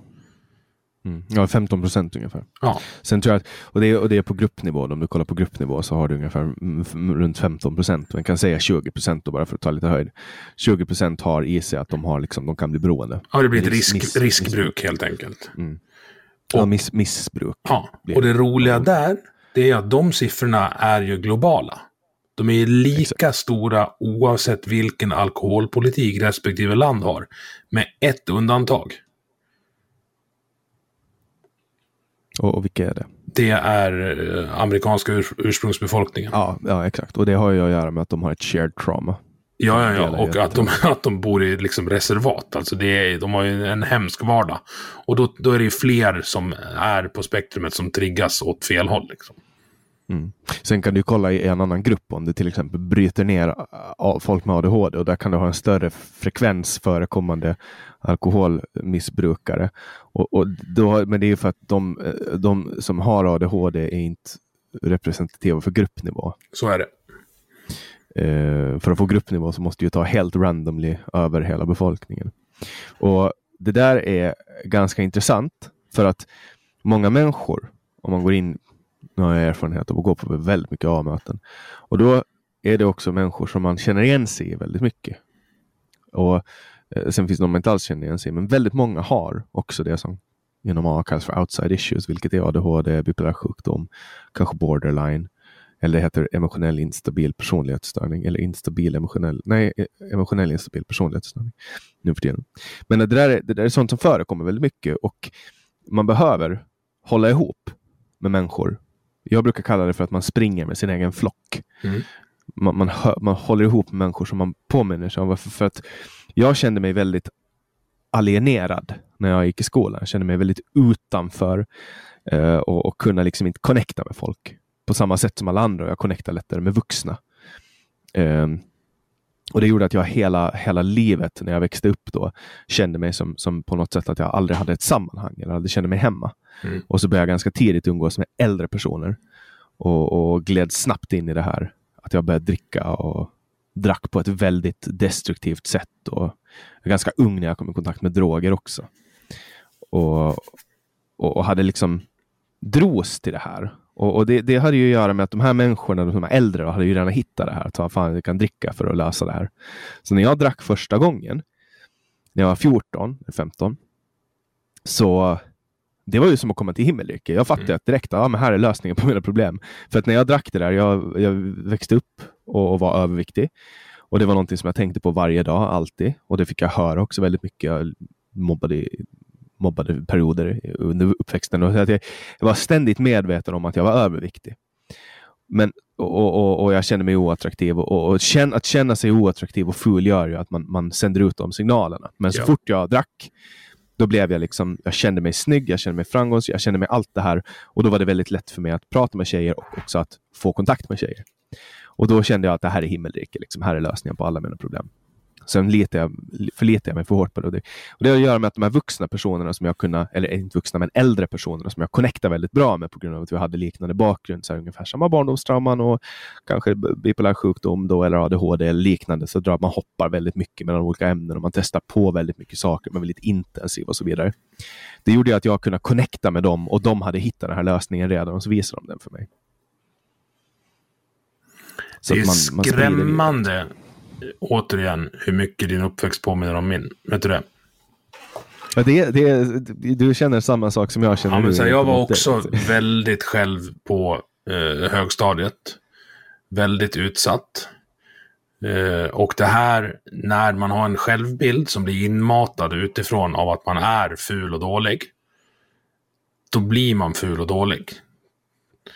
Det, där, de har gjort, det här pratade jag om i min föreläsning. De har gjort experiment med fiskar när de sätter ner en glasskiva. Har du sett det? Nej. Du har alltså en rovfisk, säg en gädda eller motsvarande, i ett akvarium. Så slänger du ner lite mört till den och det säger bara pang, den äter ju dem hel. Sen sätter du ner en glasskiva mitt i akvariet och så släpper, släpper du ner mört på fel sida så att säga för gäddan. De 48 till 50 första timmarna då anfaller gäddan frenetiskt glasskivan när mörtarna kommer i närheten. Sen ger den upp. Mm. Då kan du lyfta ur glasskivan och mörtarna simmar genom gäddans mun utan att den äter dem. För den har gett mm. upp. Mm. Den lär sig att det inte är någon idé. Mm. Det där var jag innan jag hittade läktaren. Men jag, de fem första åren när jag stod i klacken så kunde inte jag förmå mig själv att sjunga med i de låtarna, sångerna, där de sjöng någonting om att vi var vackrast och bäst, vilket är ganska många låtar. För det var inte vem jag var. Men sen släppte det? Sen släppte det. Sen vart jag klackledare och stod längst fram, drack ganska mycket och helt plötsligt trodde jag att jag var rockstjärna. Och när jag trodde att jag var rockstjärna, då började andra tro det också. Mm.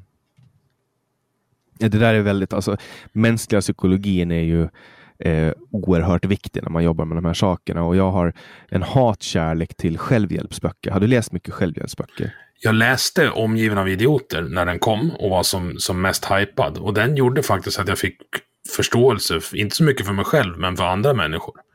Att ja, ja. det är inte bara mig det är fel på, ni andra är trasiga också, fast i andra delar av maskineriet. Ja, jag har en teori kring den, för när den kom så blev den ju hypad och alla pratade om den. Åh, det bästa som har hänt, åh, jättebra bok. Och det var folk som sålde så här kurser och höll på. Och sen insåg alla att bara, oj, det här var ju inte bra, det här är bara humbug. Och sen blev han liksom misskrediterad och hit och dit. Men jag har en liten teori kring den här boken, för alla läste den då. Nu får man inte säga att man har läst den, för då tror ju folk att man är en frikyrklig sektledare. Liksom. Men, men, men, men det har att göra med när man läser den här boken, då, då läser man alltid om sin egen person. Och då inser man hemska saker om sig själv. Mm. Men man tar det i, i den dos man är redo att få det. Man blir väldigt ledsen om man blir angripen av någon med väldigt mycket kritik och någon kommer och säger att du lyssnar inte och du är hit och dit och bla bla. Då blir man ganska ledsen. Men när man, när man läser den här boken, då tar man åt sig piecemeal det man klarar av att förstå i sin egen personlighet. Och därför tror jag att den är väldigt utvecklande för folk. Men eh, specifikt med självhjälpsböcker tänker jag på, typ Johannes Hansen, Napoleon Hill, The Secret. Johannes Hansen är ju också mas. Jag såg till att få en fika med honom innan jag skulle börja föreläsa. Uh, sen, jag, jag har sett honom någon gång. Det känns som att han, jag är inte målgruppen, jag är inte längre i alla fall. Nej, men det, de självhjälpsböckerna, jag har varit väldigt mycket i dem. Och, och, och, nu har jag liksom utvecklat en form av hat till dem för att jag är så jävla trött på att det är så här, åh, tänk och se framför dig och allt sådär. Men det, tyvärr, alltså det som sägs i de böckerna, det är fan sant. Alltså. Det finns få eh, saker som jag kan som jag inte har lärt mig från de böckerna som har hjälpt mig på, på vägen. Och mycket av det handlar om att skapa, eh, alltså Napoleon Hill kallade det för, för self-suggestion och översattes i något skede till självsuggestion. Det är Men, bra när översättningen blir, blir mer obegriplig än original. Ja, eller hur? Men det tror jag översattes typ kanske på 60-talet eller något sånt. Men, men, men man brukar prata idag om affirmationer, vilket handlar om att man ska helt enkelt typ hundra gånger om dagen säga så här. Jag är stolt över mig själv. Jag älskar mig själv. Jag är bra på det jag gör. Jag är duktig jag duger som jag är och så vidare och så vidare. Och att det känns jättekonstigt att titta sig själv i spegeln och bara säga du där, snygging, haha, du är bra. Alltså det tar, men, men du vet efter ett tag så bara börjar man bli bättre och bättre och bättre på allt man mm. gör. Och det där är för att hjärnan tar in alla de här grejerna. Och det, är, det finns väldigt mycket vetenskap som backar upp det och om man vill pröva själv, då blir man själv beviset som, som Eckhart Tolle sa på grund av, på tal om de här, alla de här självhjälpsböckerna. Det är faktiskt en av de bättre grejerna. Så att det är väldigt svårt och väldigt flummigt alla de här sakerna. Det finns väldigt många inpaketeringar på de här universella sanningarna. Men Eckhart Tolle säger i sin bok The Power of Now, så är det någon som ställer honom en fråga. Att, hur ska jag veta att det här funkar? Och då svarar han den gamla tyska gubben. Om du pröva själv så blir det beviset. Mm. Testa själv så blir det beviset. Liksom. Och det, det är väl ganska sant eh, i den formen att man...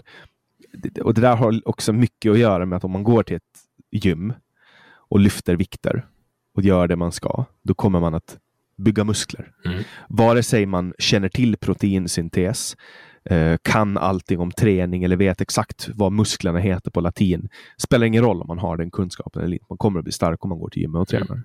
Mod är en samma... muskel, det kör Johannes med va? Ja, det är hans lilla tagline mm. som han har tagit. Den är bra. Eh, den, är, den är bra, men det är, alltså, det, jag blir liksom allergisk för att allting är så jävla cheesy.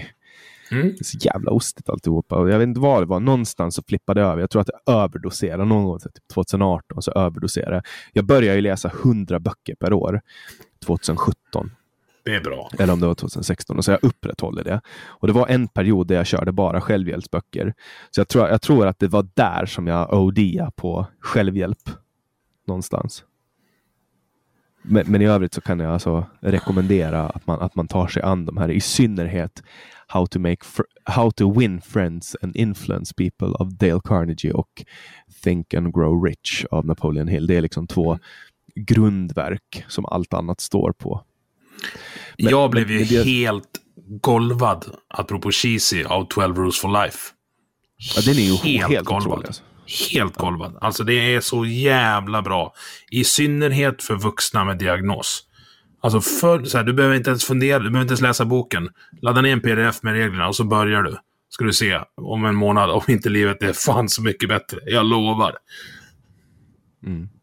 Det finns ju också Seven Habits of Highly Effective People eh, som, som är också en sån här otroligt bra bok. Men, men Jordan B. Petersons 12 Rules for Life, det, den, är, den kommer ur ett väldigt kliniskt perspektiv. Mm. Även, om han, även om han själv är troende så ger han den ur ett väldigt kliniskt perspektiv med mycket bibliska anekdoter.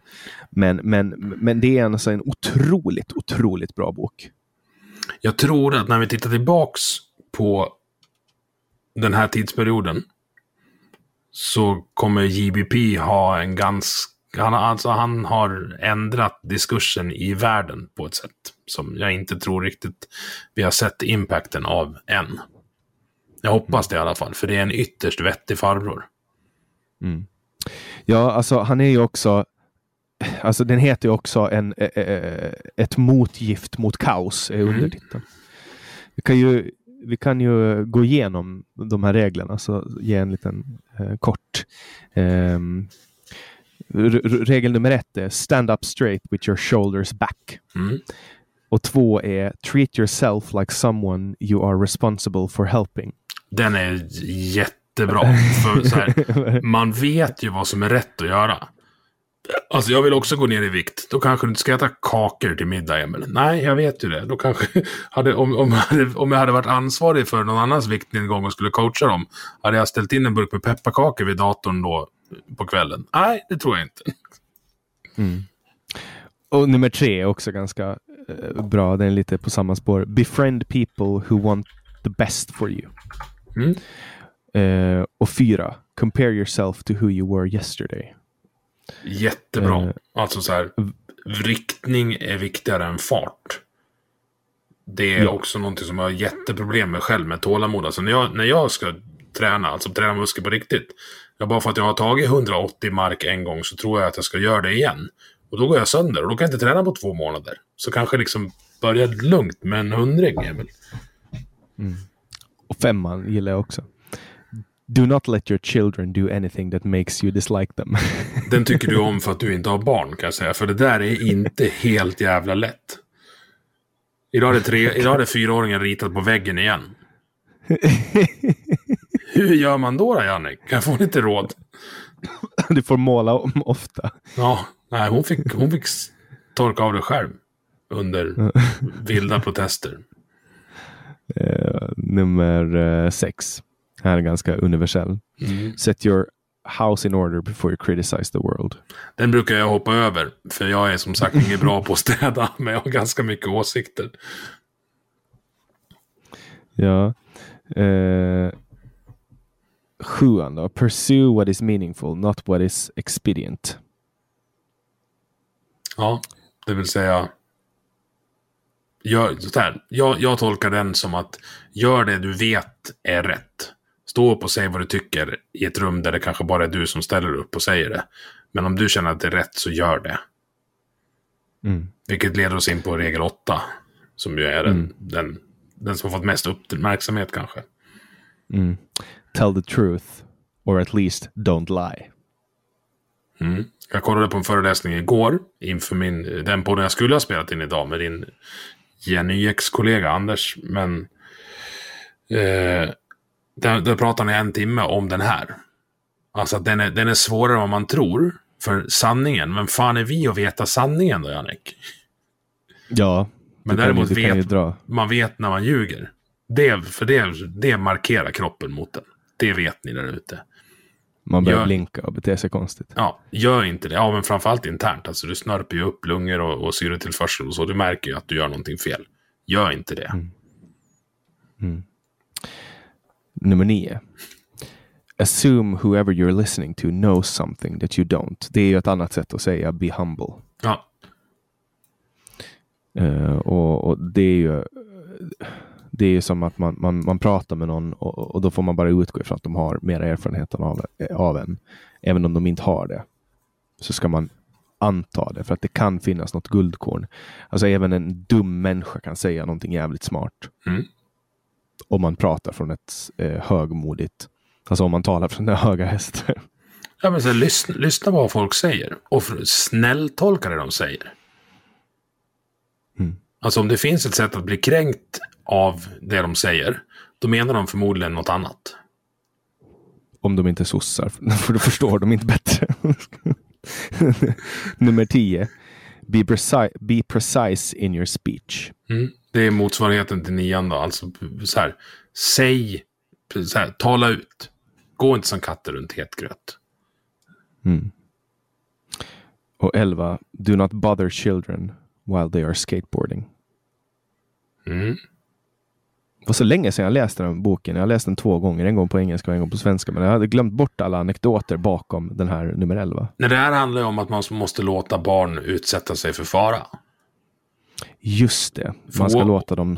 Just det. Ja, men så du, måste lära, du måste skrapa knäna ibland. För, för att lära dig Mm. åka skateboard. Antifragilitetsteorin. Ja. Där, där är, det är också spännande med egna barn kan jag säga. Det är inte helt lätt. Jag är pappa Björn och säkerhetsansvarig i den här familjen. Så jag springer ganska fort. Och eh, ställer mig bredvid dem om de går balansgång någonstans där de inte borde. Eh, Det är ja, inte helt lätt. Samtidigt så försöker jag göra en uppfostran där, där, där jag, när jag ska släppa ut dem i livet själv när de är lite äldre. Så pappa är okej med allting som inte har fängelse i straffskalan eller inte orsakar värre saker än ett benbrott. Prova. Men jag vet inte om jag kommer kunna leva upp till det. Men det är min, det är min målbild i alla fall. Och sen då nummer 12, kanske, sk- kanske inte ska ta dem helt eh, bokstavligt, men pet a cat when you encounter one in the street. Mm. Det var lite mer av att man ska njuta av det som händer. Det man ser och det man upplever. Det är inte bokstavligt talat att man ska gå fram och klappa katter om man ser någon på gatan. Nej, men man ska lyfta blicken och, och se hur det här livet med all, all dess vedermödor och skit ändå är helt jävla fantastiskt. Alltså det är så många som stirrar ner eh, när de går. Alltså lyft blicken, kolla på bergen, dra in luft. Och framförallt dagar när du inte har tandvärk, inte är bakfull, inte har rännskita. Kom ihåg att de dagarna du har de grejerna så vi längtar du bara till en sån här dag när du är frisk. Det, det är jag tacksam för varje dag. Hur läser du en bok när du har ADHD? I hörlurarna. Jag läser inte, jag, ly- jag lyssnar bara på böcker. Det är ett väldigt effektivt sätt att läsa mycket böcker. Min hemlighet bakom att läsa hundra böcker är att eh, varva mellan fysiska böcker, digitala böcker och ljudböcker. Mm. Och du är på Storytel så kan du, Läsa också, ja. mm, du kan hoppa liksom. Från att lyssna till att läsa. Jag sitter ju i... Jag kör lastbil på halvtid typ nu. För att dryga ut de obefintliga poddintäkterna. Eh, och så när det, och så det, det går att tajma med föreläsningarna rätt bra. Men då kan jag ju sitta en hel dag, alltså ett 12 timmars pass och lyssna på en ljudbok. Och då... Alltså köra bil, det kan jag göra automatiskt. Så jag får ju i princip betalt för att lyssna på bok. Och det är en, det är en drömtillvaro. För jag kan inte sitta här hemma. Jag kan inte bara sätta mig och lyssna på en bok. För då sticker tankarna iväg. Men när jag har stimulit från bilkörningen, som även innehåller en stor del fara faktiskt. Det är bland det farligaste man gör, jag var ute i trafiken. Eh, då skärper min hjärna till sig och öppnar upp liksom den delen. Jag slår tunnel på mig själv. Och öppnar upp den delen som är mottaglig för liksom djupa filosofiska eh, föreläsningar eller böcker eller poddar. Mm. Du utbildar dig själv helt enkelt. Ja, och någon annan betalar för det. Du vet, jag hoppade också av gymnasiet. Ja, det gjorde inte jag. Jag gick ut, men jag, jag eh, hade eh, IG i svenska, vilket ju är fantastiskt med tanke på vad jag jobbar med nu. Jag tyckte att du sa att du inte gick ut. Eller var det u- Ja, jag ofullständigt sa? betyg. Ja. Ja, det är väl samma, det är väl typ samma här. Kan man säga. Jag, gick, jag, jag hoppade av kanske ett halvår för jag, lite beroende på hur man räknar med kurser och så. Men, men vi har samma utbildningsnivå. Ja, det vill säga vi har ingen. man- Exakt, exakt. Och då får man ju skola sig själv. Mm. Men, men det finns ju ingen motsättning att skola sig själv. Enda, enda, eh, det enda, är att det finns liksom inget eh, statligt stämplat papper som säger att man kan det här. Inget, inget av de jobben jag har sökt som jag har eh, egentligen velat haft har begärt in något gymnasiebetyg. Mm. Och jag då med IG, icke godkänt betyg i svenska från, från gymnasiet, fick uh, för två år sedan med en text på nationella provet i svenska som jag har skrivit som exempeltext. Så fuck you svenska fröken, jag vann. Ja, det är också intressant att du har IG när jag känner folk som knappt kan svenska som har godkänt. Mm. Ja, men så var det. Det fanns en, en eh, del litteraturhistoria som man var tvungen att läsa. Och jag och Edith Södergran vart inga kompisar, så då, det var helt ointressant för mig. Mm. Nej, jag, jag, hade, jag hade också ganska dåliga betyg. Uh, svenska skulle jag nog kanske ha haft bra om det inte var så att man behövde lära sig och vad hette när man bröt ner de här meningarna du vet och, och, och skulle säga vad allting var. Presens och pluskvamperfekt och annat trams. Ja, det var ju, det var ju tempus. Det var det tempusformer det hette. Ja, du ser, jag, du tappar mig där. Jag är helt ointresserad mm. av det. Men däremot så skriver jag skiter ur de flesta ifall vi skulle tävla. Mm. Nej, och det, här, det där är väldigt, alltså det där är eh, jag vet inte vem det är som har sagt det här. Det finns många bra saker som folk har sagt som jag inte vet vem som har sagt. Men, men det här att, att skolsystemet, det är som att lära, för vissa då, att lära eh, fiskar att klättra i träd. Mm. Framförallt att bedöma ens lämplighet som, som, som djur. Mm. Ja, och sen också att alla ska göra samma sak och så finns det de som är jättebra på skolan som får jobb och så kanske de inte alls är bra på att ta människor som till exempel många, många läkare till exempel. Det krävs väldigt höga betyg för att bli läkare eller veterinär eller så, men, men, men för att få de betygen så kanske du inte är jättebra på att ta människor i många fall eller i vissa fall. Nu, nu, nu, nu generaliserar jag väldigt hårt, men du förstår vad jag menar. Mm. Oh ja. Du har helt jag kan tänka, mig, kan tänka mig många människor som skulle bli jätteduktiga läkare som, som inte har förmågan att kunna plugga sig till den, eh, alltså, eller ha den kapaciteten att plugga och klara av de proven. Jag, menar, jag har en kompis som är läkare som har sagt att många av de sakerna som man gjorde i skolan, eller väldigt, väldigt många av dem, man har aldrig behövt i sin utbildning. Eller alltså i sitt uh, yrkesutövande. Mm. Så är det. Sen är det så också att mycket av det vi som Eh, inte jobbar i vården tror att en läkare gör är ju egentligen sjuksyrrornas uppdrag. Mm. Läkarna är egentligen, de, de är in och ut, uh, snabbt tar beslut. Den liksom löpande, löpande vården du får där inne är sjuksystrarna. Jag är ju gift med en sån nämligen, så jag har full, full, full koll på hur de har det. Ja, läkarna sitter ju och skriver recept. Det där är samma som när du går till en psykiatriker. Då kommer den psykiatrikern, så har du fått en remiss och kommer till en psykiatriker, det är en läkare. Men det, och det där är typ det vanligaste som finns, att folk bara, Åh, man går till en psykolog och får ett medicin. Nej, man får inte medicin av en psykolog. En psykolog har läst psykologi, medan en psykiatriker har läst medicin och sen mm.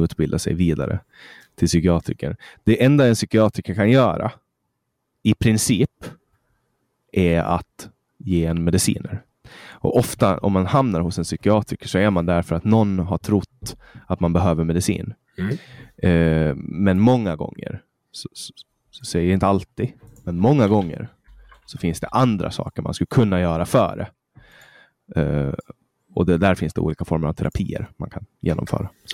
Jag, jag ska till en psykiater på fredag för att få medicin mot min ADHD. Så nu knyter vi ihop saker och ting här ska du få narkotikum utskrivet. Jajamän. Och det vet vi att när knark kommer från staten så är det precis som alkohol, så är den ofarlig. Japp, det, det är känt sedan länge. Och, och, och, det är då amfetamin du får. Ja. Eller jag vet inte vad jag ska och, få, utan vi ska prova ut en del. Uh, det är för att uh, öka längden mellan mina misslyckanden som far och make. Uh, ska vi ge ett, ett, ett test. Har du försökt innan? Nej. Det är, det är en stor grej då du ska pröva fram en ny medicin. Det är... Ja, det kommer vara jättedrygt, men jag är villig att ge det chansen. Uh, dels för att se vad det, vad det kan göra med mig, om det kan öka min produktivitet och, och det allmänna välbefinnandet, men också om det kan... Eh, eller också för att kunna prata om även det i föreläsningar och coaching. Mm. Jag är ju vetgirig. Jag vill veta så mycket det går om så mycket som möjligt. Mm. Ja, det man ska komma ihåg med de här preparaten är att de är väldigt tunga och sliter ja. väldigt mycket på kroppen. Ja. Eh, och att man, man behöver inte ta dem varje dag kanske. Nej, vi ska jag se. Jag är, eh, går in med det eh, open-minded och ser vad det, vad det gör. Men sen ska man ju såklart alltid lyssna på sin läkare. Ja. Det, det är viktigt. Och eh, jag har ställt undan motorcykeln för vintern, så det finns inget... Det, finns, det är väl det farligaste som skulle hända om det skulle bli något fel. Att jag satt på den. Mm. Jag, ska börja köra. jag tror att det, man gav ju den här man gav amfetamin och, och, och metamfetamin till stridspiloter för att öka deras koncentrationsförmåga och minska deras hunger och törst. Mm. Så. Jag tror att om någonting så kanske det skulle bli en bättre chaufför, fast jag vet inte. Nej, och jag vet inte heller. Det ska bli jättespännande. Jag funderar på om jag skulle ta och videologga, eh, köra lite videodagbok och eventuellt publicera det någonstans sen. Mm. Ja, testar. Emil testar narkotikum. Mm. Rekommenderar det till alla. Ja, vi får se. Ja, nej, jag, har, jag har själv eh, tagit väldigt många olika mediciner för min bipolära sjukdom och det, det, det är inte lätt. Alltså. Det, tar, alltså, det tar ofta länge förrän medicinerna börjar funka och sen tar det ganska länge som man ska ha dem i kroppen förrän man börjar få resultat för att kunna utvärdera dem. Därför kan det gott och väl ta upp till ett år förrän du vet om en medicin är bra eller inte. Ja. Eh, och vad jag förstår så kommer man i, i det här fallet så ökar man doseringen tills det kommer biverkningar och sen tar man ett steg tillbaks. Så någon form av biverkning verkar det som att det ska bli. Mm. Ja, jag, jag är inte eh, avundsjuk. Alltså, även, om, även om amfetamin är en drog som, som, som är väldigt behaglig när man tar den så, så är det en drog som är en av de mest obehagliga att sluta med som finns. Eh, och det vet jag av egen erfarenhet. Det, och det pratade jag till och med om i förra podden prata om amfetamin då. Det blir mycket drogsnack nu. Ja, men det, alltså jag tycker att man ska prata om det. Det är också, också en sån fråga som politikerna duckar. Ja, alltså de skjuter ju det här problemet. De gömmer ju det under, under madrassen liksom. Ja. titta på det. Så det är narkotika, svensk narkotikapolitik är ju det är inte bra. Det är, det är i klass med, med, med haverikommissionens rapport efter Estonia. Och jag tycker det är intressant att diskutera det här, särskilt med, med eh, kompisar jag har som är poliser. Eh, för de är ju så nej, det ska inte ens utredas, det finns ingen chans, det, det är bara hemskt och jag har sett det här och det här och det här. Och så bara så här, men är inte det lite som att prata med en bilbärgare om hur bra folk är på att köra bil. Du får ju bara se skiten. Mm. Och om vi hade haft väldigt annorlunda trafiklagar jämfört med övriga Europa och Europas högsta trafikdödlighet. Tror du att vi i alla fall hade tittat på det då? Ja, ja, då så. Kanske vi ska kolla. Nej, men det är en jävligt bra poäng och, och jag pratade om det i förra poddavsnittet också. Då. Pratade vi också om, då tog jag exemplet att jag tror att jag tog exempel på en akut sjukvårdare, någon som jobbar på en akutmottagning, som ser väldigt mycket blod. Kommer inte att reagera på, på blod på samma sätt när den ser det i civillivet för att den är så van med att se de här grejerna. Och, och, och det är lite samma när man tar narkotika, en narkotikapolis och bara Uh, nu ska vi, hej allihopa, välkomna till föreläsningen. Idag ska vi få höra hur hemskt det är med droger. Med oss har vi en uh, narkotikapolis det som ser det värsta. Mm. Värsta av det värsta. Liksom. Uh, och, och, och, kanske ser små barn som dör liksom, och, och sådana grejer. 14-åringar som tar fentanylöverdoser och måste åka hem till föräldrarna och berätta det. är klart att de kommer att ha en otrevlig upplevelse av, av narkotikapolitiken. Liksom.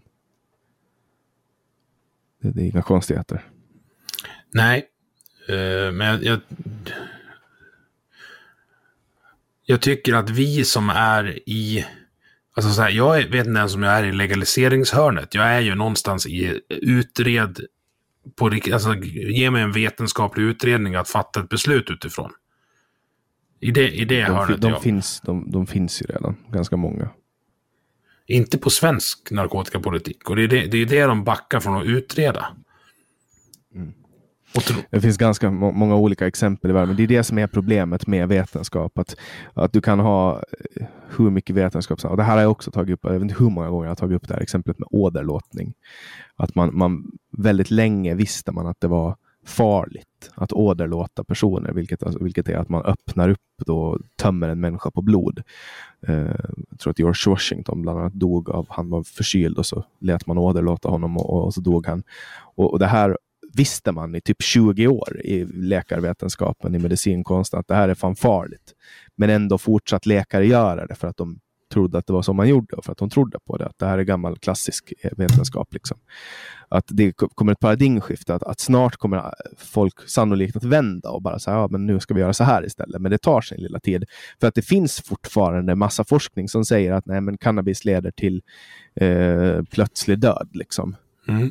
Nu, nu raljerar jag lite, men men det finns väldigt mycket forskning som säger att ja, men gör det här och det här. Det här. Folk kollar ju på, liksom, folk är helt allvarliga fortfarande och lyssnar på Nils Bejerots gamla argument. Liksom.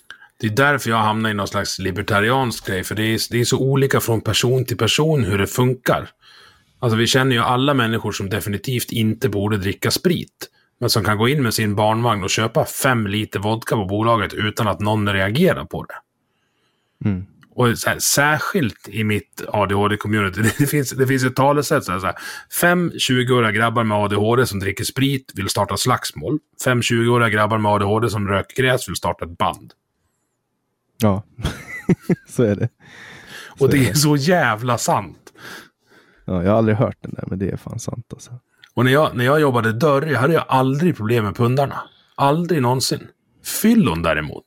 Alltså en pundare som du, eller någon som, alltså en stoner som du ska bära ut, han får du ju en kram av och så bara, ah, nu går jag och äter hamburgare. Prova att bära ut ett fem, 50-årigt fyllo som har somnat på ett piano. Liksom. Mm. Många gånger så, så är ju inte stoners heller på krogen. För att en nack, eller nackdel, vad ska jag säga, vad heter biverkning av cannabis är att du blir paranoid. Eh, så, så, men, men den här paranoian, vad jag förstår, uppstår bara där det är olagligt att röka. Att eh, det är som en bieffekt av att det är olagligt, att folk blir paranoida. Mm. Sen är det också att det inte finns någon innehållskontroll. Det finns ingen kvalitetskontroll på varorna. Nej, det har ju hänt någon gång att man har tagit bloss för mycket av någonting som är lite för starkt och sen har man suttit där som ett jävla hål i två timmar och fattat ingenting. Mm. Ja, kanske inte två timmar, för så länge tar det inte, men det har hänt. Men du är ett lyckligt hål? Ja, alltså, jag har ju rökt för mycket och för starkt. Och, och, och liksom, det är ju jobbigt. Det är ungefär som, nu har jag aldrig blivit för full, men folk som beskriver att de blir för fulla, de blir yra och sen blir de illamående. Jag har aldrig lyckats ta mig dit, för jag kan inte dricka mig så full. Och nu har inte jag rört någon form av rusmedel på fem år. Men, men före det alltså. Eh, så att jag har rökt för mycket och då blir man ju disorienterad och det kan vara ganska obehagligt, men det går ju över ganska snabbt. Ja, det har jag, har jag ingen erfarenhet av, eh, tyvärr. Eller tyvärr, ja, som sagt. Erfarenheter blir bra med tiden. Mm. Nej, men det, är ju så med, med, alla droger. Alltså, om du tar för mycket av någonting eh, så blir det inte bra. Det, det, blir en överdos helt enkelt. Och en överdos måste ju inte vara dödlig, utan du kan ta en överdos av alkohol och, och så börjar du spy. Det är ju en överdos. Då mm. du doserar mer än vad du klarar av. Liksom. Och Det pratar man ju väldigt sällan om alkoholförgiftning till exempel. Att bli för full och, och, och blir så full att man i princip inte klarar av att ta sig hem. Det är ju en alkoholförgiftning. Då har du druckit för mycket alkohol och blivit förgiftad. Liksom. Mm. En överdos av alkohol. Kan man säga. Överdos måste ju inte leda till död. Uh, men folk är väldigt toleranta för det och, och det här destruktiva drickandet som många människor har. Folk ifrågasätter liksom inte. Nej, det, det ingår, ingår i kulturen att vi ska vara apfulla. Alltså vi har ju ett problematiskt, en problematisk inställning till alla rusmedel i det här landet. Mm. Eh, men det är bara ett som är glorifierat. Mm. Eh, på det sättet som, som eh, alkoholen är. Jag tänker på det att jag går ibland på krogen nykter. Och när jag gör det på Åland, då träffar jag människor som jag träffar i mitt civilliv. Det kan vara folk som jobbar i en butik som jag besöker eller någon människa jag känner eller är bekant med och så vidare. Och, och de, de, får liksom dispens för att bete sig som apor i några timmar. Mm. Alltså människor beter sig så fruktansvärt illa. Alltså de kan bete sig så illa så att det är liksom, du vet, de blir utburna av tre vakter. och, och, och sen på måndag så är de tillbaka igen och ingen ifrågasätter att de har varit apfulla och försökt ta av sig tröjan och visa snoppen inne på krogen. Liksom. Alltså det, är, det är helt... Det är jättekonstigt. Mm. Nej. För om man skulle bete sig sådär i en matbutik så skulle man fan aldrig få gå ut igen. Nej. I ett, i ett småsamhälle. Men då är det så här, ah, han var full och så rycker man på axlarna. Mm. För det är så man är när man är full. Ja, det är jävligt konstigt. Det är våra vikingagener som, som triggas. Fl flugsvampsnaskande barbarer som åkte över och våldtog och brände ner byar. Mm. Det, var, det är väl mera eh, korrekt beskrivning av, av vikingarna. Ja, typ. men det finns andra dansband också. Ja. hade, hade förberett den där. Nej, den kom eh, spontant. Den kom spontant. Jag kallade dig för dalmas en gång och då blev du arg. Nej, jag, det där är också så. Folk tror att jag är arg när jag tillrättavisar dem. Men om jag skäller på någon så är det förmodligen för deras eget bästa. Du hade helt enkelt fel. Ja, men jag har ju lärt mig det, så nu, nu säger jag bara mas åt folk. Du kallar mig mat idag. Det tyckte jag var jätteroligt. Nej, jag sa mas. Ah, du har okay. nog hört fel. Du, har hört fel. Du, hörde, du hörde fel tror jag ja. när jag ringde dig. Ja, det... Jag låg upp och ner på soffan och var jävligt utarbetad och ringde dig för jag insåg att jag, den här podden blev sen. Och du vet, jag har aldrig varit sen med en podd. Alla poddar som jag har gjort har blivit släppta på onsdagar förutom en gång när jag råkade släppa på en tisdag i misstag. För att jag hade så på tidsinställning och så hade jag satt den på fel dag. Ja, men det är flera minuter kvar av onsdagen. Och ännu fler hos dig va? Eller är din slut? Ja, ja, min, min onsdag är slut. Den ja. är 00.17 i Finland. Uh, så, så, att, men, men så kan det gå. Den blev en dag sen ut på Bulletins hemsida men den kommer att vara korrekt uh, på RSS-flödet. Så alla som lyssnar på någon form av RSS-spelare, alltså Spotify eller Google Podcast eller Acast, kommer att höra den här i tid. Det är bra. Mm. Och, och, så, om du skulle summera det här samtalet som vi har haft nu, vad, vad skulle du säga då? Att vi har hoppat runt Spretigt. Mm. Förra samtalet blev också väldigt spretigt, men jag har väldigt mycket att tänka på nu. Jag behöver liksom var lite, förut har jag kunnat hipp som happa poddandet och tagit någon en måndag liksom och spela in på måndag kväll. Men nu kommer jag behöva börja planera och kanske spela in fyra, fem avsnitt på förhand. Mm. Någonting som jag vill göra hela tiden, men som jag aldrig gör. Men, men hur ofta släpper du dina avsnitt? Är det en gång i veckan? Jag försöker släppa en gång i veckan, men i och med att det är fortfarande är en bisyssla så har jag liksom inte satt något krav på mig. Och jag har, jag har byggt om mitt, jag, jag, jag, relaterar väldigt mycket till vad du, vad du säger där med jobb. Alltså jag har ju byggt om mitt liv för att inte ligga på soffan utarbetat. Alltså vi har byggt en ekonomi som baseras mest på min, min frus jobb. Vilket gör att då är hennes frus jobb, eller då är min frus jobb prioriterat i vår kalender. Alla mina arbetspass, föreläsningar och så utgår från hennes. Men det innebär också att jag behöver inte jobba eh, heltid just nu med, med annat än det jag tycker är roligt. Och det blir mer tid för ungarna. Det blir ingen Harley Davidson till sommaren. Men till nästa sommar kanske när, när föreläsningarna tuggar igång lite mer. Du är eh, typ en hemmaman alltså? Ja, en halvtids, halvtidsarbetande hemmaman som har, har mycket tid över för att eh, leka med barnen, åka på simskola och åka och hälsa på någon häst och gå ut och plocka kantareller och hälsa på farmor och farfar. Mm. Ska du sätta dina barn i travskola nu när du har pratat med mig? Nej, de ska gå i golfskola till sommaren. Oj. Du vill, eh, ska de flytta till Stockholm och börja jobba i Moderata ungdomsförbundet? Eller vad tänker Nej, du? de ska, de ska hamna i en sport där det finns pengar, både för tjejer och killar. Och det finns det i trav, kan jag lova. Fast trav är inte sport, det vill jag inte säga. Utan trav är spel. Nej, trav är hästsport.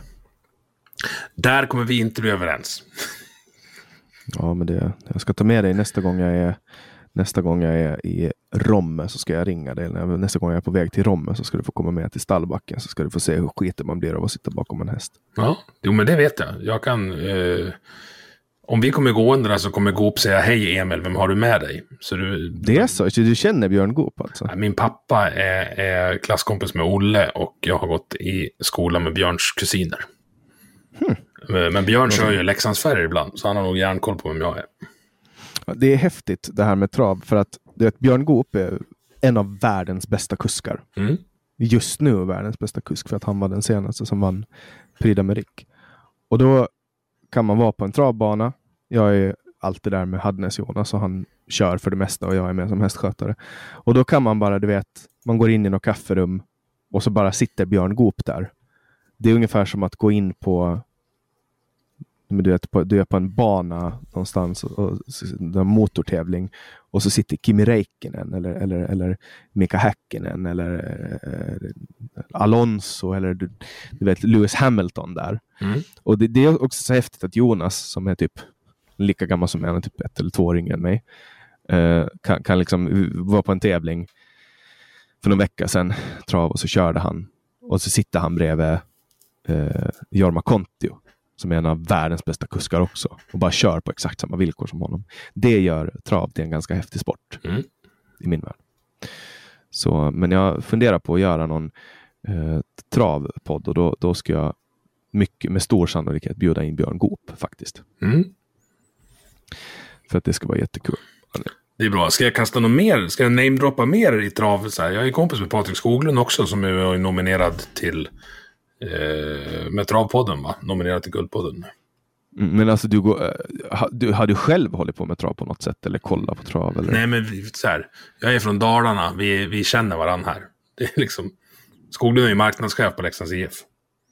Mm. Ja, det, det, det, det, sånt, sånt tycker jag är det, det, det, är lite häftigt. Alltså att, att, man, att Sverige också är väldigt litet på det sättet. Alltså Sverige, det, Sverige är ju toppnationen när det kommer till trav. Det är Sverige och Frankrike. Bäst mm. i världen. Så att alla de här kändisarna kommer att finnas i Sverige. Typ 80 procent av alla de bästa, nu tar jag 80-20-regeln, det kanske inte är så i praktiken, men vi säger så att 80 procent av de bästa i världen är från Sverige, typ, när det kommer till trav. Det är ganska häftigt. Det är jävligt häftigt. Och jag, jag kan ju respektera och intressera mig för vad som helst som någon annan brinner för. För att jag har brunnit så mycket för mina grejer. Och då är det intressant. Det är mycket det i podden. Alltså jag, jag hade med Robban Klarqvist. Han skulle du haft med också. Han är vd på ett av Sveriges största privata assistansföretag. Och han är förbundskapten i Skeleton. Vet du vad det är? Nej. Rådel har du sett från OS va? När du ligger på någon kälke. Alltså Bob? Ja, fast du, du har Bob, då sitter du i den. Du har Rådel, då ligger du på rygg på den. Okay. Skeleton, då ligger du på mage med huvudet två millimeter ovanför isen i banan och så åker du 130 kilometer i timmen. Hur kom de på den sporten? Förmodligen liksom någon fin norrman som halka. Det är han alltid. Ja, du vet i Finland finns det någonting som heter kärringkonk. Mm. Men, men, han, är alltså, han är alltså vd i ett av de största assistansbolagen och förbundskapten i Skeleton. Ja. Och en mm. fantastiskt frän människa. Mm. Ja, du får hit me up med lite gäster för att det kommer jag behöva eh, så småningom. Jag eh, har um, jag ska, jag ska försöka liksom strukturera upp det här och börja leverera igen. Men just nu så alla som lyssnar på det här får, får hoppas jag, jag vill be om, om lite överseende för att jag inte har varit i min bästa poddform. Den här podden eh, är bland det bästa jag vet och jag älskar att kunna sätta mig ner och träffa en ny människa varje vecka och det kommer jag att fortsätta göra. Jätte, jättetrevligt att ha dig här idag, Emil Nilsén. Tack för att jag fick vara med, Henrik. Det blir, det blir hos mig nästa gång. Ja, det låter jättebra. Ja, det var länge sedan jag var med i en podd sist, typ april eller maj eller något sånt. Eh, till er som har lyssnat så vill jag tacka er jättemycket för att ni hakar på podcasten Samtal även denna onsdag. Som eh, ni som lyssnar på RSS kommer att få uppleva. I alla fall inte ni som lyssnar på Bulletin och pluskunder. Jag hoppas att även ni som lyssnar på Bulletins uh, eh, portal och är pluskunder är nöjda trots att det här släpps en torsdag. Uh, I övrigt så vill jag ju påminna er om att ni kan gå in på www.samtal.ax där ni kan tipsa om gäster. får ni jättegärna göra. Jag har nyligen sammanställt alla de cirka 500-600 förslag jag har fått in och tittar på den listan och ser att kan, kan urtolka mönster som människor ni vill höra. Och många av dem som finns med på den här listan har ju faktiskt varit med i den här podden tidigare. Och, och jag har lekt lite med tanken att börja ta in gäster igen som har varit med. Men ja, det som stör mig det är formen. Det är att jag döper mina samtal bara till namnet på personen som är med. Och den enda som har varit med två gånger i ett singelsamtal det är Kai Grüssner och det är parentes 2019 2019 och 2020. Så jag får hitta en annan form för det och kanske göra någon form av specialavsnitt. Men återkom gärna till mig och berätta vad ni har för idéer och tips. Och jag tycker att det är jättekul när mina lyssnare kommer och berättar för mig vad de känner och tycker. Och det är alltid trevligt att få ett Twitter DM eller Facebook vänförfrågan eller Instagram eller röksignal eller brevduva eller burktelefon. Jättestort tack för den här veckan. Jag hoppas vi hörs nästa vecka igen. Jag släpper nya samtal alla onsdagar året runt. Jag heter Jannik Svensson och du har lyssnat på podcasten Samtal.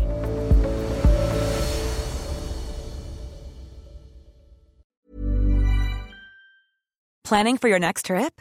Elevate your travel style with Quince. Quince has all the jet setting essentials you'll want for your next getaway, like European linen premium luggage options, buttery soft Italian leather bags, and so much more. And is all priced at 50 to 80% less than similar brands. Plus, Quince only works with factories that use safe and ethical manufacturing practices. Pack your bags with high-quality essentials you'll be wearing for vacations to come with Quince. Go to quince.com/pack for free shipping and 365-day returns. When you make decisions for your company, you look for the no-brainers. And if you have a lot of mailing to do, Stamps.com is the ultimate no brainer. It streamlines your processes to make your business more efficient, which makes you less busy. Mail checks, invoices, legal documents, and everything you need to keep your business running with Stamps.com.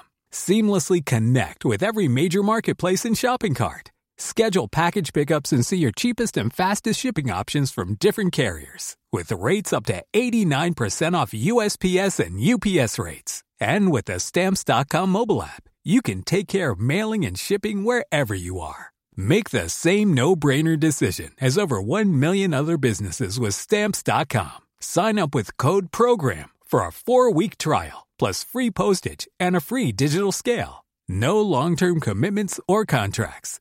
That's Stamps.com. Code PROGRAM.